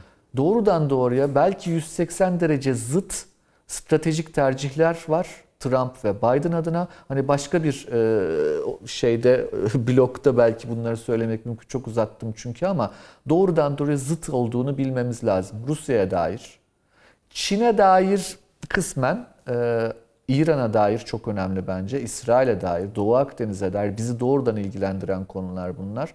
e, taban tabana farklı yaklaşımlar olduğu ortada. E, Türkiye'nin de bunlardan müstesna, e, muaf kalacağını düşünmemek lazım. Türkiye doğru duran Peki hocam. tabii ki kendi politikasını izleyecektir ancak belli bir uyum da e, biliyorsunuz adaptasyon e, zekanın, aklın en önemli e, göstergelerinden bir tanesi. O da Türk devletinde vardır diye düşünüyorum. Ona göre uyumlaştırılacaktır herhalde. Vardır hocam vardır. Çok teşekkür ediyorum. Değerli toplu oldu. Hiç kesmek istemiyorum ama son reklamımız mı arkadaşlar? Evet. Daha öyle mi? Üstüne. Bir tane daha var yani. Peki. Efendim reklamlar biliyorsunuz vermek zorundayız. Hemen döneceğiz. Bir dakika reklam arası. Haberin sosyal medyası gzt.com sizi çok farklı bir okuyucu deneyimine davet ediyor. Merak ettiğiniz sorular yanıt buluyor, henüz duymadığınız şaşırtıcı konularsa karşınıza geliyor.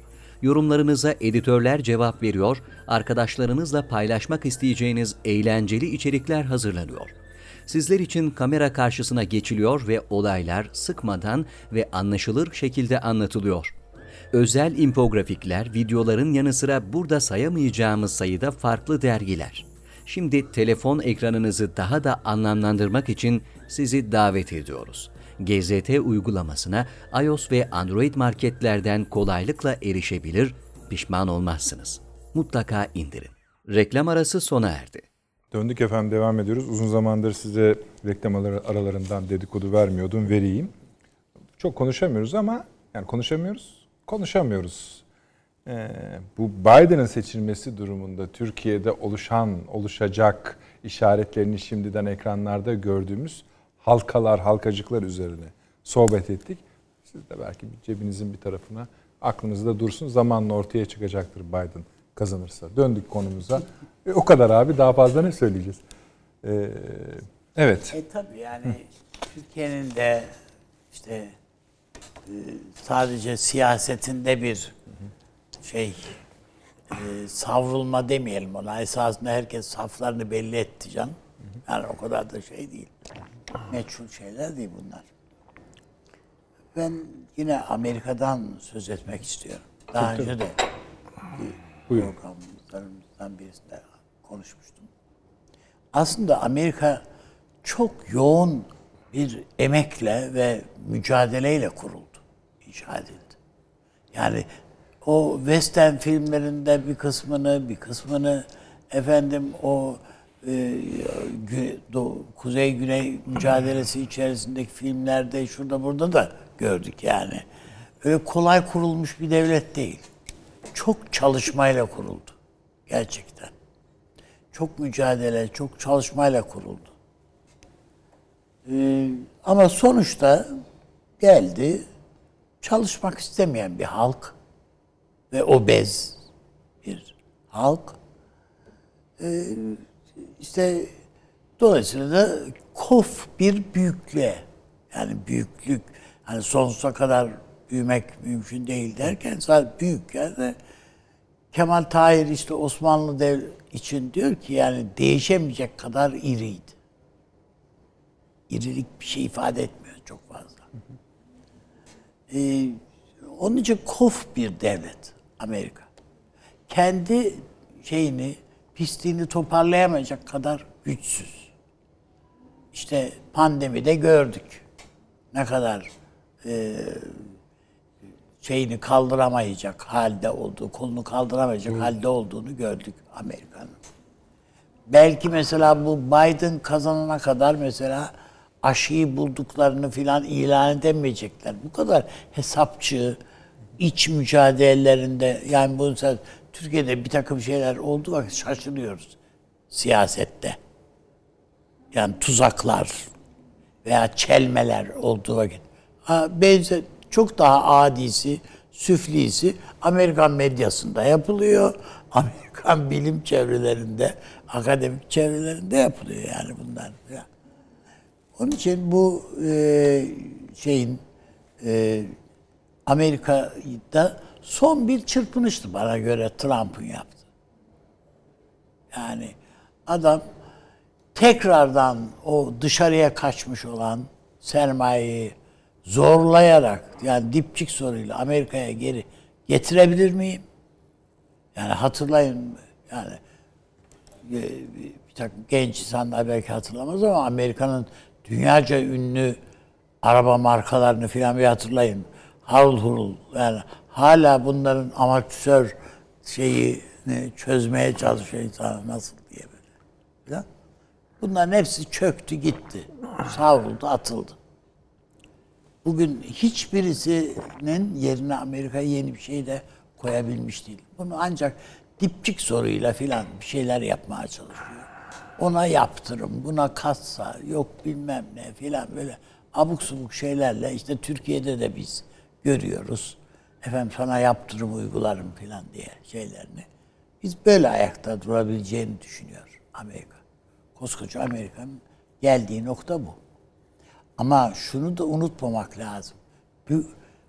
Çözülüyor demiştim ben. Doğru, çözülüyor bu. Hiçbir şey engelleyemeyecek. Yani Biden da gelse, Biden'ın da söylediği yine böyle anayasa değişiklikleri bilmem nelerle acaba Demokrat Parti iktidarını nasıl sürdürebiliriz? Ayak oyunları filan filan. Halka dönük herhangi bir şey yok yani orada söylediklerinin içinde. De. Demokrat Parti'yi garantiye almak, iktidarı garantiye almak, bu cumhuriyetçi şeyi, halkayı kırmak. Adamın istediklerinden bir tanesi bu.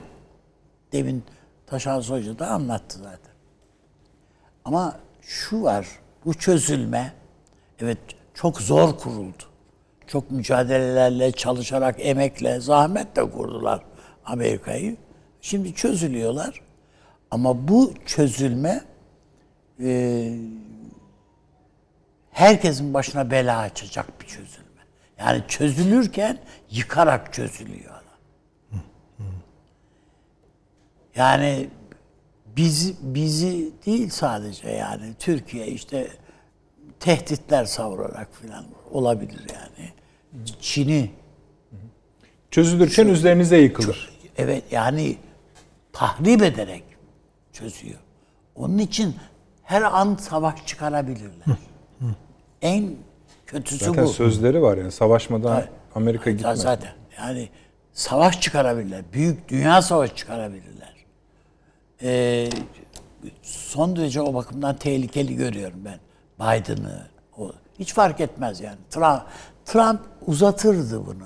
Vadeyi biraz uzatırdı Trump. O da o Amerika'nın e, süper zenginlerini dipçik soruyla Amerika'ya getirtir. Yani vergilerini Amerika'da almanın derdinde idi. Yani sağlayabilirse birazcık onu sağlar. Altyapı, işte çalışanlara biraz para mara şu bu filan filan filan. Elinin altında dolar var. Çalıştır matbaayı, bassınlar, ver doları. doları. Nasılsa. Do- enflasyon büyüdükçe adamın enflasyonu büyüdükçe dolar kıymete biniyor filan. Ha bu nereye kadar binecek? İşte kaç zamandır Süleyman Hoca anlatıyor değil mi? Yani bu dolar, dolarizasyon, bu dolar meselesi. Bu bitiyor. Yani sonuna, son demlerine geldi bu iş. Para şey üretemeyince, mal üretemiyorsun, dolar üretiyorsun. Böyle bir düzen sürdürülebilir mi ya? Ma- ba- banknot matbaası çalıştırarak bir düzen kurmuşsun. Ha, bu yürümez kardeşim. Öbür tarafta Çin üretiyor basmaya ya. O hantal, afyoncu filan dedikleri Çin dünya, yani dünyanın en büyük üretim çarkının kontrol ediyor şu anda. Zincirini kontrol ediyor. Senin 10 liraya yaptığını adam 1 liraya yapıyor. 50 kuruşa yapıyor. Ben bilmiyordum. Yani 50 centmiş Amerikan parasıyla e, bu bizim Taksim'de filan hani satılan şemsiyeler. E, bizde de keşke yapsalar gözleri görmeyenlere iş olsun diye yapılmış o fabrika. Yani bunda bu, bu nasıl güzel bir düşünce yani. Hani mekanik elle sadece yapıyorlar. O silahlı kuvvetlere falan onlar verirlermiş. Sadece. Gibi. O fiyata sen yapamazsın şemsiye zaten. Adam yapıyor ve veriyor yani işte. Bütün dünyaya da Çin şemsiyeleri var zaten. Çarşılarda, pazarlarda, her yerde. Ama milyar adet, adet. Aslında şemsiye Yağmur sırasında, yağmur sırasında aç, yağmur dindi, çöpe at git. Yola devam et gibi. Bu basit bir şeymiş gibi. Ama dediğim gibi en büyük şey önümüzde bizi bekleyen tehlike bu inşallah böyle bir şeyi görmeyiz. Ama biz görmezsek bile çocuklarımız buna hazırlıklı olmalı. Amerika'nın tahrip ediciliğine. Yani virüsten beter ya. Bu üstümüze yıkılacak. Herkesin, bütün milletlerin üstüne yıkılacak bu Amerika. Eskiden iyi kötü o yani sevelim sevmeyelim yani gazeteci artığı filan o Mark Twain filan filan yani işte filan yani yazarı çizeri filan filan şusu busu vardı. Şimdi onlar da yok. Hiçbir şey yok ya. Sıfır çekiyor adam. Yani bir beyzbol finali filan filan bunlar. Bütün dünyaya sattı bunları. Adam şu anda bunların hiçbirisi çünkü seyirciye dönük bunlar. Bunlar şov işi. Yarın öbür gün yani yaşlandı da zaten kadın o Mad- Madonna filan da gidecek ortalıktan. Onların da yerine bir yenileri gelmiyor. Yani onları ürettiler ürettiler böyle ama onların da yerine yerleri gelmiyor. O yüzden bir her manada bir çöküntü yaşıyor. Sadece bilmem silah üretiminde, şunda bunda filan diye değil. Yani geçen salı günü söyledim yani silah satıyor, kendi halkına satıyor. E iç savaş işte. Herkes evinin bahçesine sığınak yaptırıyor. Bir- bir- saldırı olursa biz hazırız diye böyle televizyon programları var. Ee, o yüzden biz yaşadığımız ülkenin kıymetini bilmeliyiz. Ve Türkiye'nin siyaseti evet bir yön eksiği var, var, yanlışı da var yani açıkçasını söylemek icap ederse yanlışlarımız falan da var ama yani biz ayaktayız. Bu siyaset eğer şu bugün oturduğu çizgiler üstünde sürdürebilirsek, ısrarlı olursak ve sürdürebilirsek Amerika'nın falan yapabileceği hiçbir şey yok. Yani ne Libya'da, ne Irak'ta, ne Suriye'de, ne Azerbaycan'da, Orta Asya'da. Türkiye'nin yapabileceği bir şey yok. Hatta Türkiye daha iddialı şeyler de yapabilir. Aklınıza gelen bir şey var mı? E tabi Orta Asya'ya dönük olarak, Orta Doğu'ya dönük olarak, Irak'a dönük olarak daha ısrarlı. At- Atatürk'ün içinde ukde kaldıydı Musul. Yani her şeyi yapabilir Türkiye. Çünkü öyle bir güçsüz sadece tehditle, o da lafta kalan bir tehditle ayakta. Düşün PKK'ya muhtaç bir Amerika'ya. Yani bu bir zavallılık değil mi Allah'ın aşkına? Yani eğer bir devlet kurmak istiyorsan orada gel kurabiliyorsan kur. Kurarsın kardeşim. Bir terör örgütünün üzerinden sen Türkiye'yi köşeye sıkıştırarak onu da yarım yamalak yaparak yani açıktan değil yani onu da yarım yamalak yaparak bir devlet kuracaksın da bu devlet ayakta duracak. İsrail'e garanti olacak. Hiç böyle bir şey olabilir mi ya? Onu orada ne Türkiye yaşatır ne Arapları yaşatır. Hiçbir şey yaşatmaz. Hatta Kürtler de yaşatmaz. Böyle bir piyon devleti kim yaşatabilir ki? O yani işte e, bütün bunlara Ama dayalı bunu, bir tablo bunu, var. bunu zorladılar ve binlerce insanın hayatına mal oldu. Tabii tabii tabii. Milyarlar, hala, milyarlar. hala, hala da hala da öyle. Ama ben bütün bu insanların yani Amerika diye yırtınan insanların dahi Amerika'ya artık güven duymadıkları kanaatindeyim. Amerika'ya güven. çözülüşün bir verilen parçası da sözler, o. Verilen sözlere de güvenilmiyor. Hiçbir şeye güvenilmiyor. Ya Türkiye daha demin Somali ile ilgili söyledin değil mi? Yani e, Taşan Hoca söyledi. Etiyopya yani son. ekonomik zorluklar içerisindeki bir Türkiye e, Somali'nin IMF'ye olan borcunu ödeme, ödeme ödeyebiliyor. Bunu yapabilmektir yani işte. Bunun örneği dünyada yok Dünya, herhalde. hayır yani bunu ya. yapabilmektir yani. kim? Siyaset bu. Onun için ben e, bu seçimin sonucu ne olursa olsun Türkiye için hayırlıdır. Yani iyidir. Yani bu Biden'dan falan da bir halt olmaz. Peki abi bir şey sorabilir miyim? Hem Süleyman Hocam hem e, Taşansı Hocam. Ee, bu çöz yani kelimeyi öyle seçtik öyle gidiyor. Bir sakıncası yok herhalde çözülme ifadesi. Evet. Bu e, onlardan da biraz sonra tekrar rica edeceğim ama ne yani ne dem nasıl olacaktır çözülme yani ne anlıyoruz Ya devletler böyle hani Titanik gibi suyun dibine batmaz. Yani böyle batıyor.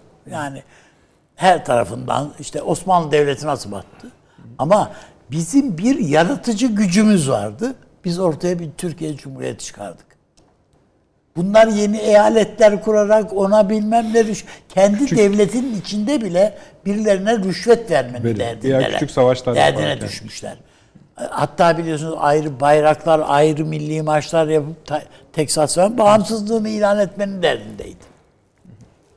Bütün bunların hepsi gündeme gelebilir. Çözülme böyle bir şey. Zaten. Yani o yıldızları e, sen yıldız sayısını tutturayım diye uğraşabilirsin yani. Kimlere eyalet hakkı verirsen ver. Fark etmiyor o. Onun bütünündeki o dağılmayı e, önlemenin imkanı yok. E, bir Kuzey-Güney Savaşı'ndan kalma heykelleri kaldıralım mı kaldırmayalım mı tartışması Amerika'yı mahvetti ya. Doğru yeni bir şey üstelik. Tabii, Tabii yani taze Ya bir şey bu. Senelerce, ya bir asır durmuş bir şey, bir buçuk asır durmuş bir şey. Sen şimdi müdahale ediyorsun. Trump hem bu ayrımları, bölünmeleri derinleştirdi. Yani ya, bu- kamplaşmanın dediğimiz şey bu. Bunu de- Trump kendisi için bunu yaptı derken bu aslında Biden'ın işine de yaradı. Bu kamplaşmadan istifade ediyor hepsi şu anda. Bunu alın, oradan alın, Türkiye'ye getirin.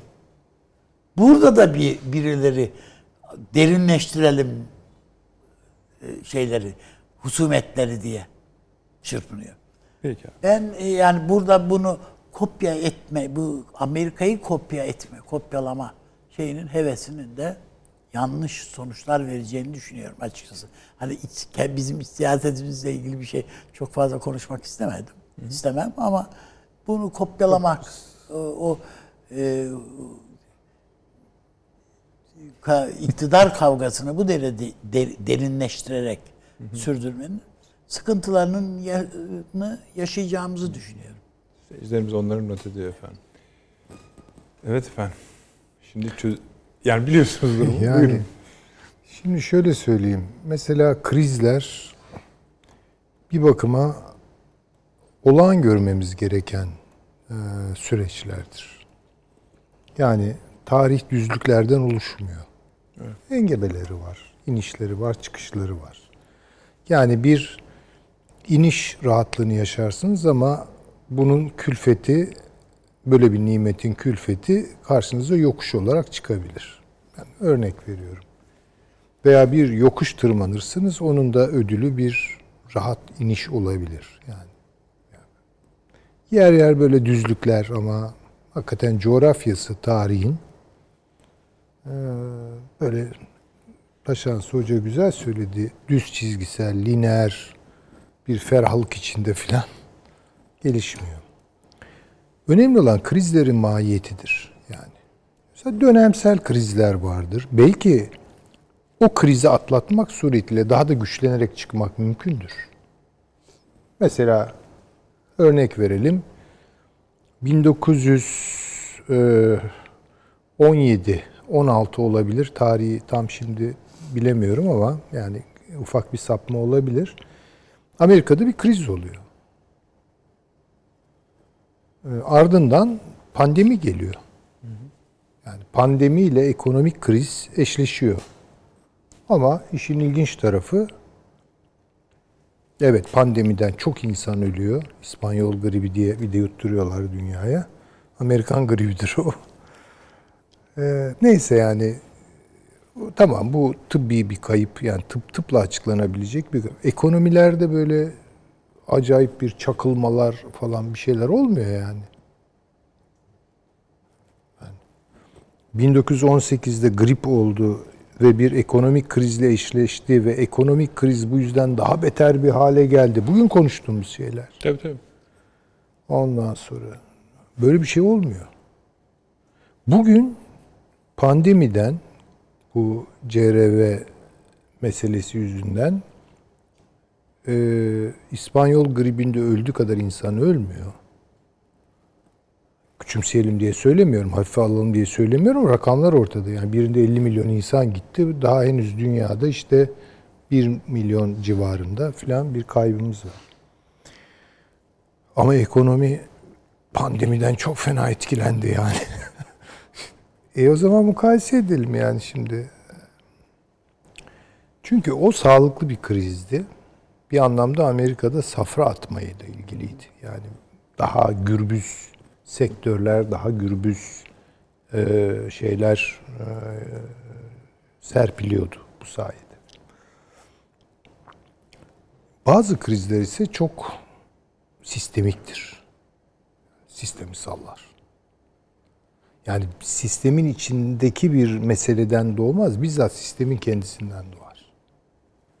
El yevmi idrak ettiğimiz kriz, yani 2008'de daha evvel işte bu Nasdaq krizi, ondan sonra 2008 krizi, mortgage ve arkasından gelen süreçler 2020 krizine gidiyor.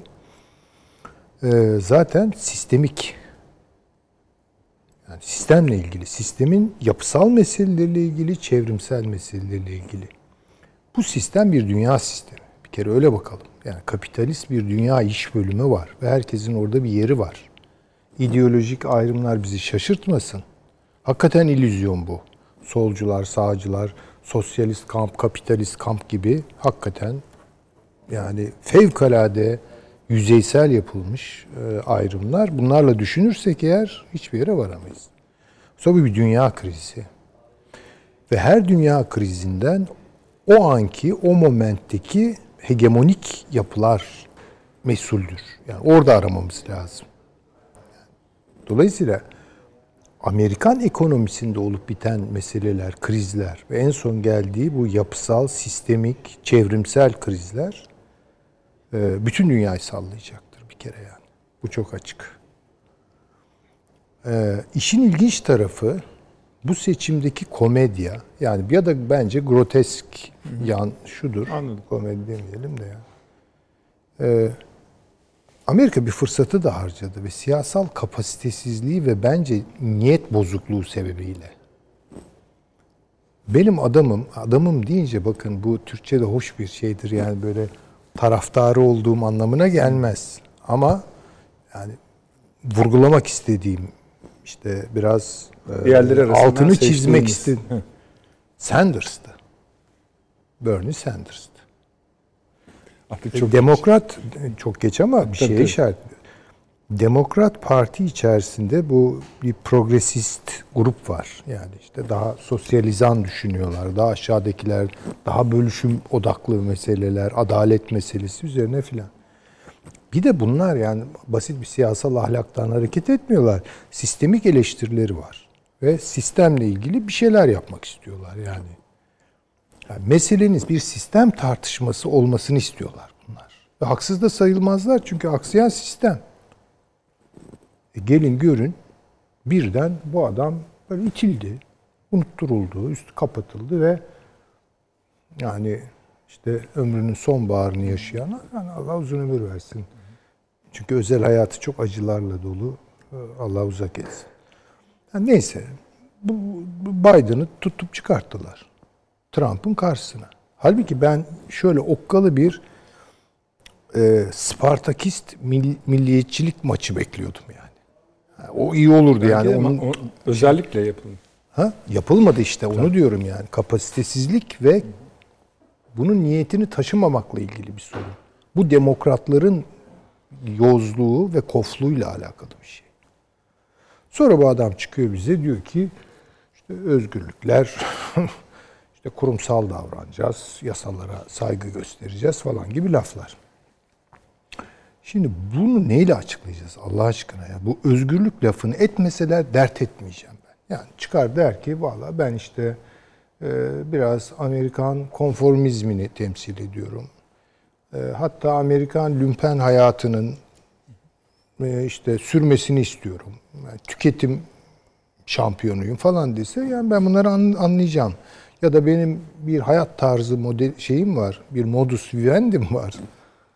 Ben bunun savunuculuğunu yapıyorum dese gene gam yemem. Göz özgürlük diyor. Şimdi bir dakika ya bu laf edildiği zaman ya ben bu lafı ederken bir yutkunurum. Çünkü bu laf çok kelle götürmüştür.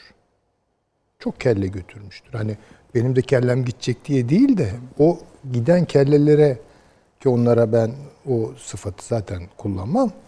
Yani onlar akıldır, kafadır, yürektir. Yani orada bir, bir durulur yani. Saygı, biraz hani düğmeyi ilikletecek bir şey. Bu kadar söylenir mi ya? Bu kadar ucuz söylenir mi bu laf?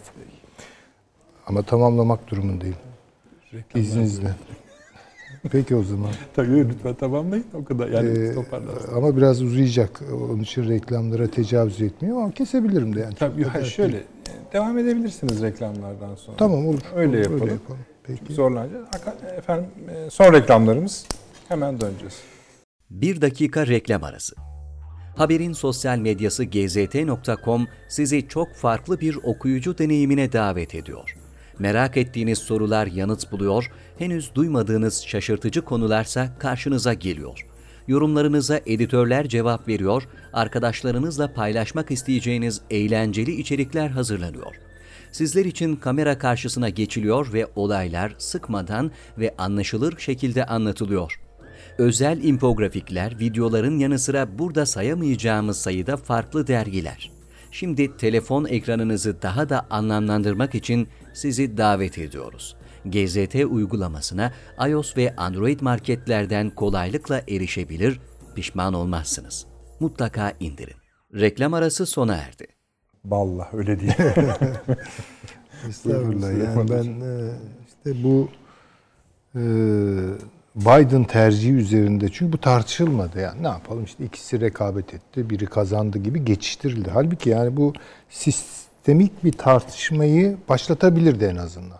Konuşulacaktı. Biden şey e, Sanders da söyleyeceğini söyleyecekti Trump'ın karşısında. Böyle bir şey olmadı. E, birden böyle bir light bir aday yani çıkarttı. O bile işte bu noktalara getirebiliyor seçimi. Şimdi o özgürlük lafını filan etmeyeceksiniz. Yani bu çok ağır bir şey.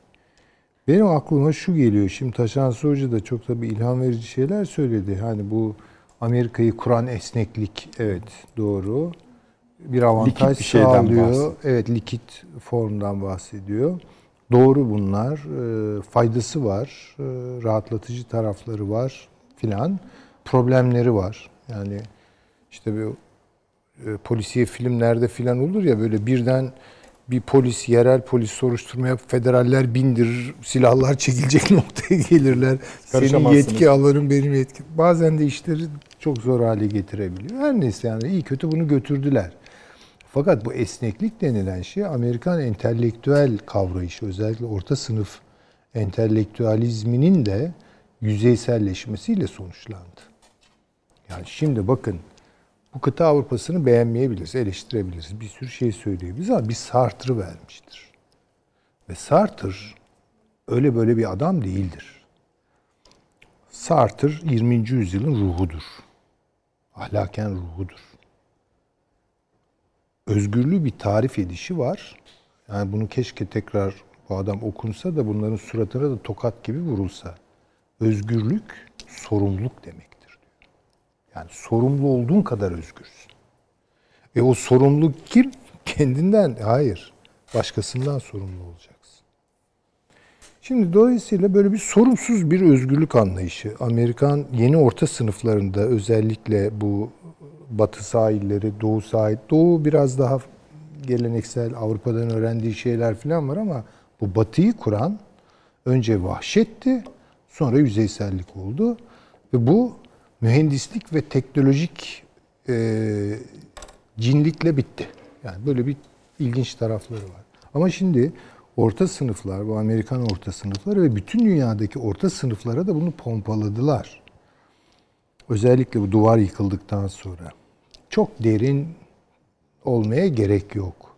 Başkalarının hikayelerine bu kadar titizlenmeye gerek yok. Başkalarının hikayelerini anlatma işini de üzerinizden atın.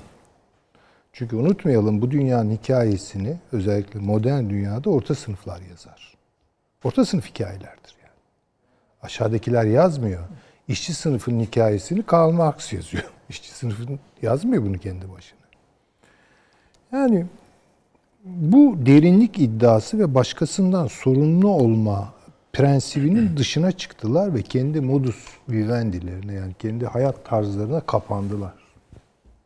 Ve bunu fetişleştirdiler. Yani kendi hikayelerinin narsisizmi. Daha dünya içinde fetişleşti. Hepsi böyle yani. Dolayısıyla şimdi bir takım hassasiyetler ve kendi gettolarında kendi hayat standartlarına dokunulmadan e, yaşama talebi.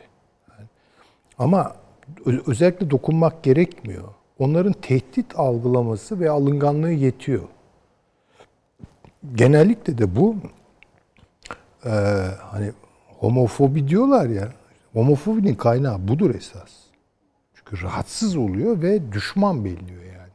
İşte sokaktaki adam zenci, siyah, şu, bu okumamış, işte Midwest, Bible Belt bilmem ne bütün bunları böyle şey yapıyor ve tepki doğuruyor. Yani karşı taraftan da tepki doğuruyor. Bunun sorumlusu orta sınıflardır. Ben Midwest'i bundan sorumlu tutmuyorum. Çünkü adamlar 150 kelimeyle falan düşünüyorlar. Dünya algıları o kadar. Sorsanız Mısır hikayesi anlatır size. Ama sen kitapların içindesin. Kütüphaneler var. Ve orada mesela Sartre diye bir adam var. Yani hiç mi merakını mucib olmuyor bu? Değil mi? Yani böyle bir orta sınıf onların sözcülüğünü yapıyor. Ve bunlar için özgürlük sadece bana dokunma, bana bulaşma ve ben kendi narsisizmimin sonuna kadar yaşayayım. Kendi hedonizmim neyse, modam, hayat bunları yaşayayım. Popüler gibi. Ha. Popüler değil de kendilerine göre işte son derece yüzeysel. Onlar belirlediklerini düşündükleri için Ha, yani orta çünkü sınıfın beğenileri. İşte tabii böyle bir orta sınıf maalesef çıkarsa bile aradan çıkar işte mesela Bernie Sanders gibi de biri çıkar. Ne bileyim benim aklıma Richard Wolff geliyor. Ama bunlar biraz çok Avrupa yalamış adamlar yani. Bunu da bilelim. Yani Amerika kendi içinden bunları çıkartmıyor. Ama ne garip ki bu Avrupa entelektüel dünyasına da bir darbe oldu. Ve Baudrillard gibi bir adama söyletti. Artık derin sebepler üzerine düşünme devri bitti. Yüzeyseldir. Ha işte onun için hani böyle o çok güzel anlattı tabii Taşansı Hoca. Ambalajlar mamba işte bunun için ambalajları özgürlük vesaire gibi laflar yani. Bunlar tabii şeyi haklı çıkartmıyor. Onu da hemen kaydedeyim ve çekileyim. Yani Trump faşizmine ne aklamak için söylemiyoruz bunları. Ama Trump faşizmini de bileyen şey budur. Yani Esasında Trump'ı daha iyi izah edebiliyoruz. Çünkü yüz- basit yani. e, esasında. tabii, tabii Tabii. basit. Ama denediği şeyi bir kısmen başarmış gibi oldu ve o belki de daha tehlikeli bir şey yaratmış olacak. Evet. Çözülme konusu, yani çok teşekkür ediyorum söylediklerinize. Çözülme konusunda çok mutabık kalamadık. E, o Ee, bir tahlil gerektiriyor gerekiyor. ama Mutabıktan tabii ziyade ki o, tam yani- yani onun bir hikayesi var. Var. Var. O zaman belki hani bu programa yetiştiremeyeceğimiz anlaşılıyor ama bu, bu konuşmamız gerekiyor Tabii, bence. tabii, tabii. Üzerine biraz daha sonradan e, kazıyalım isterim hocam. Evet. Taşansı hocam, e, sizinle bitirelim mi? Buyurunuz. Olur tabii ki. Ee, ya şimdi benim de hani aklıma geliveren e, şeyler hem Avni Bey Üstad'ın söyledikleri hem Süleyman Hoca'nın söylediklerinden sonra şimdi bu e, Amerika'daki seçimlerin ve söylem düzeyinin aslında hani en nazik tabirle çok sathi olduğunu e, Avrupa ile kıyasladığımızda ve özellikle hani e, Biden'ın aday gösterilmesinden sonra Demokrat Parti cenahında e, işin hakikiliğini yitirdiği kanaatindeyim ben de. Yani Amerika aslında Avni Bey çok güzel söyledi. Çok zor kurulmuş bir ülke Amerika. Gerçekten çok zor kurulmuş bir yer ve çatışma üzerine kuruldu. Çok çatışmacı bir kültürü vardır Amerika'nın. E, ama e, o çatışmacı kültür kendisini yenileyebilir. Buna işte diversity diyorlar, Amerika'nın esnekliği diyorlar, kendini yenileme kapasitesi diyorlar. Yine çatışmayla kendini yenileyebilecek bir yer. Şimdi o çatışmanın hakiki bir çatışma olması Bernie Sanders durumunda e, gerçekleşecekti. Yani Amerika bir çatışma yaşayacaktı. Ve o çatışmadan belki bir yenilik doğacaktı. Belki dünya içinde bir yenilik doğacaktı. Ancak e, Biden'ın adaylığıyla beraber Demokrat Parti tarafında bence Amerika o fırsatı kaçırdı. Hatta ne yazık ki dünyanın da e, o fırsatı kaçırdığını tespit etmemiz lazım belki de. Çünkü Avrupa'da artık e, üretimi yani bu entelektüel üretimi siyasetten e, siyasetin sonucu olarak oluşan düşünsel kapasitesini yitirme e, aşamasına geldi diye benim kaygılarım, endişelerim var. O yüzden ara ara söylemeye ihtiyaç duyuyorum. Sartre'dan sonra Avrupa var mıdır diye e, gerçekten ben de kaygılanıyorum işin açıkçası. Şimdi şöyle bir şey bu Dünya Ekonomik Forumu diye bir şey vardır biliyorsunuz. Klaus Schwab'ın başkanlığını yaptı. Hani zenginler kulübü olarak vesaire tanıtılır dünyada. 2015 ee, yılında, 2016 e, yılında affedersiniz e, başkan seçildikten sonra Trump ben e, verdiğim bir akademik tebliğde şöyle demiştim. Trump konvansiyonel olan dünyadan bahsediyor. Dünya Ekonomik Forumu ise yeni bir ekonomiden, yeni bir dünyadan, aslında yeni bir ekonomiye bağlı olarak yeni bir toplumsal yapıdan, yeni ilişkilerden, yeni bir siyasetten bahsediyor ve bunların arası çok açık. Yani birbiriyle uyum uyumlu olmasının imkanı yok. Bu yarılma dediğimiz şey tam da bu aslında ama şimdi e, mesela Klaus Schwab'ın son kitabı biliyorsunuz Büyük e, Reset e, yeni baştan e, yüklemek, yeni baştan yaratmak adını taşıyor kitap. Öyle çevrilir herhalde. Şimdi orada kapitalizmin dünyada girdiği krize dair ve e, toplumların yönetilemezliğine dair kaygıların Zenginler Kulübü olarak tanımlanan Dünya Ekonomik Forumu'na da hakim olduğunu görüyoruz. Ve kapitalizmin kendisini yenileme çabasından bahsediliyor. Şimdi Biden'da e, sermaye adına sermayeyi kendi isteğiyle kısıtlayacak bir imkan görüyor bazı kesimler. Yani şöyle söyleyeyim bu e, o kadar komik geliyor ki bana. Mesela Avrupa sosyal demokrasisi 1960'lı 70'li yıllarda çok caziptir.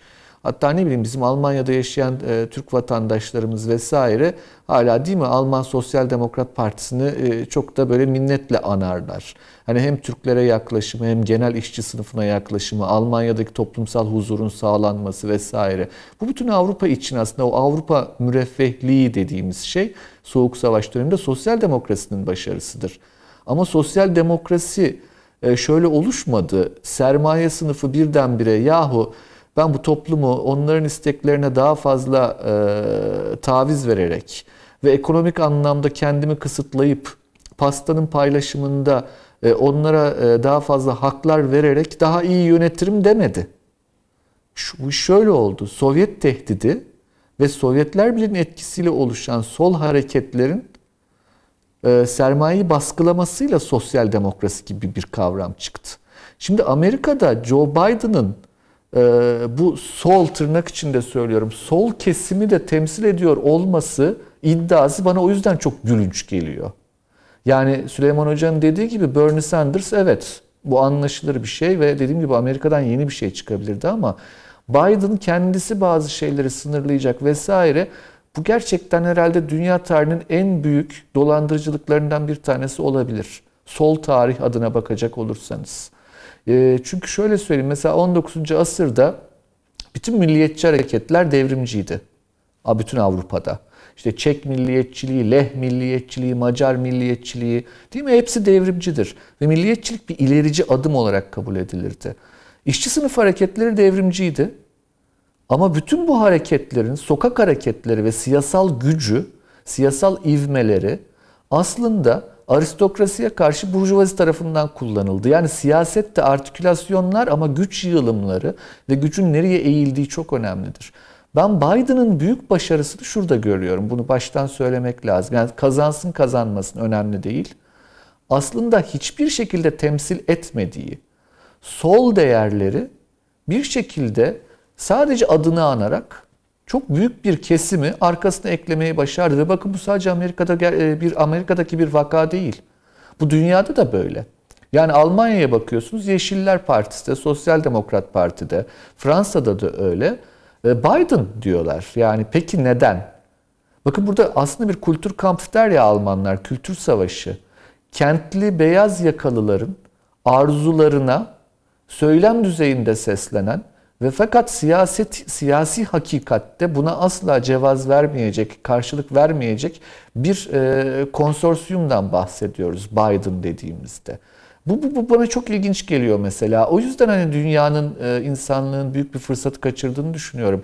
Bernie Sanders'ın adaylığı olsaydı eğer bu fırsat yakalanmış olabilirdi. Çünkü ciddi bir çatışma ve o çatışmadan da ciddi bir yenilik doğabilirdi. Ancak şu anki zannediyorum büyük bir dolandırıcılık olarak insanlık tarihine geçecektir diye düşünüyorum. Ve gerçekten de hani e, bahsedilen değerler şunlar bunlar baktığınızda e, bu bizim e, müteveffa Norman Stone'un çok kullandığı bir laftı bu. Failed lefty derdi o. Kaybetmiş solcu e, takıntıları derdi.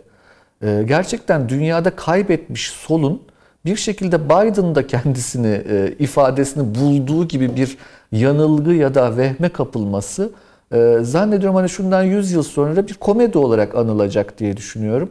E, ama hani bu e, Süleyman Hoca çok güzel söyledi. Bütün bunlar Trump aman ne iyidir anlamına asla gelmez. Birileri de siyaseten şunu söyleyebilir. Siyaset ehven işidir. Yani iyi yoktur. Daha kötü, daha az kötü olanı ya da daha iyi olanı tercih edersiniz. E, belki anlaşılabilir bir cümle ama e, mesela gönüldaşlık kurma olayı bana hala ilginç geliyor. E, mesela ne bileyim Almanya'daki işte sol partilerin Biden'la kurduğu gönüldaşlık gerçekten ilginç bir vaka bu. Yani dediğim gibi bugün çok belki gülmüyoruz ama 100 yıl sonra insanlık epeyce gülecektir diye e, düşünüyorum. E, ama buradaki yarılmayı e, devletin göreli özelliği olarak tanımlıyor Polantzas. Devletin sermaye ile ilişkisinde kurduğu o mesafeye, o mesafenin ortadan kaldırılıyor olması aslında. Yani e, ilginç bir şey tam tezatı desteklemek gibi bir şey var. E, Amerika'nın doğu yakası ve batı yakasındaki kentli beyaz yakalılarda. E, zannediyorum hani şey cümlesi vardır ya dileklerinize dikkat edin gerçekleşebilirler. E, o cümleyi de herhalde söylemek gerek diye düşünüyorum. Peki. Çok teşekkür ediyorum Taşan Hocam. Sağ olunuz. Avni abi çok teşekkür ediyorum. Teşekkürler. Bir programı daha bitirdik böylece ama çözülmeyi konuşalım. Konuşalım. İyi bir başlık bu çözülme meselesi. Dünyayı ve bizi etkileri de öyle. Efendim, e, salı günü huzurunuza geldiğimizde inşallah bu Amerika Başkanı belli olmuş olur. Yine ona yine değiniriz elbette ama kendi dertlerimizi de biraz daha fazla eğilme fırsatı buluruz. Onlar devam ediyorlar ve bitmiş değiller. Yeni riskler ve fırsatlar barındırıyorlar. Muhakkak değineceğiz. Gece yine tekrarımız olacak 02 gibi. Kaçırdıysanız ama onu dahi kaçırırsanız uyuyacağım derseniz de yarın YouTube'da e, tamamını ve e, kemiksiz olarak izleyebilirsiniz. Şimdi biz de bütün sosyal medya kanallarından gelen yorumlarınıza, katkılarınıza tek tek bakacağız, göreceğiz efendim. Çok teşekkür ediyoruz. İyi geceler.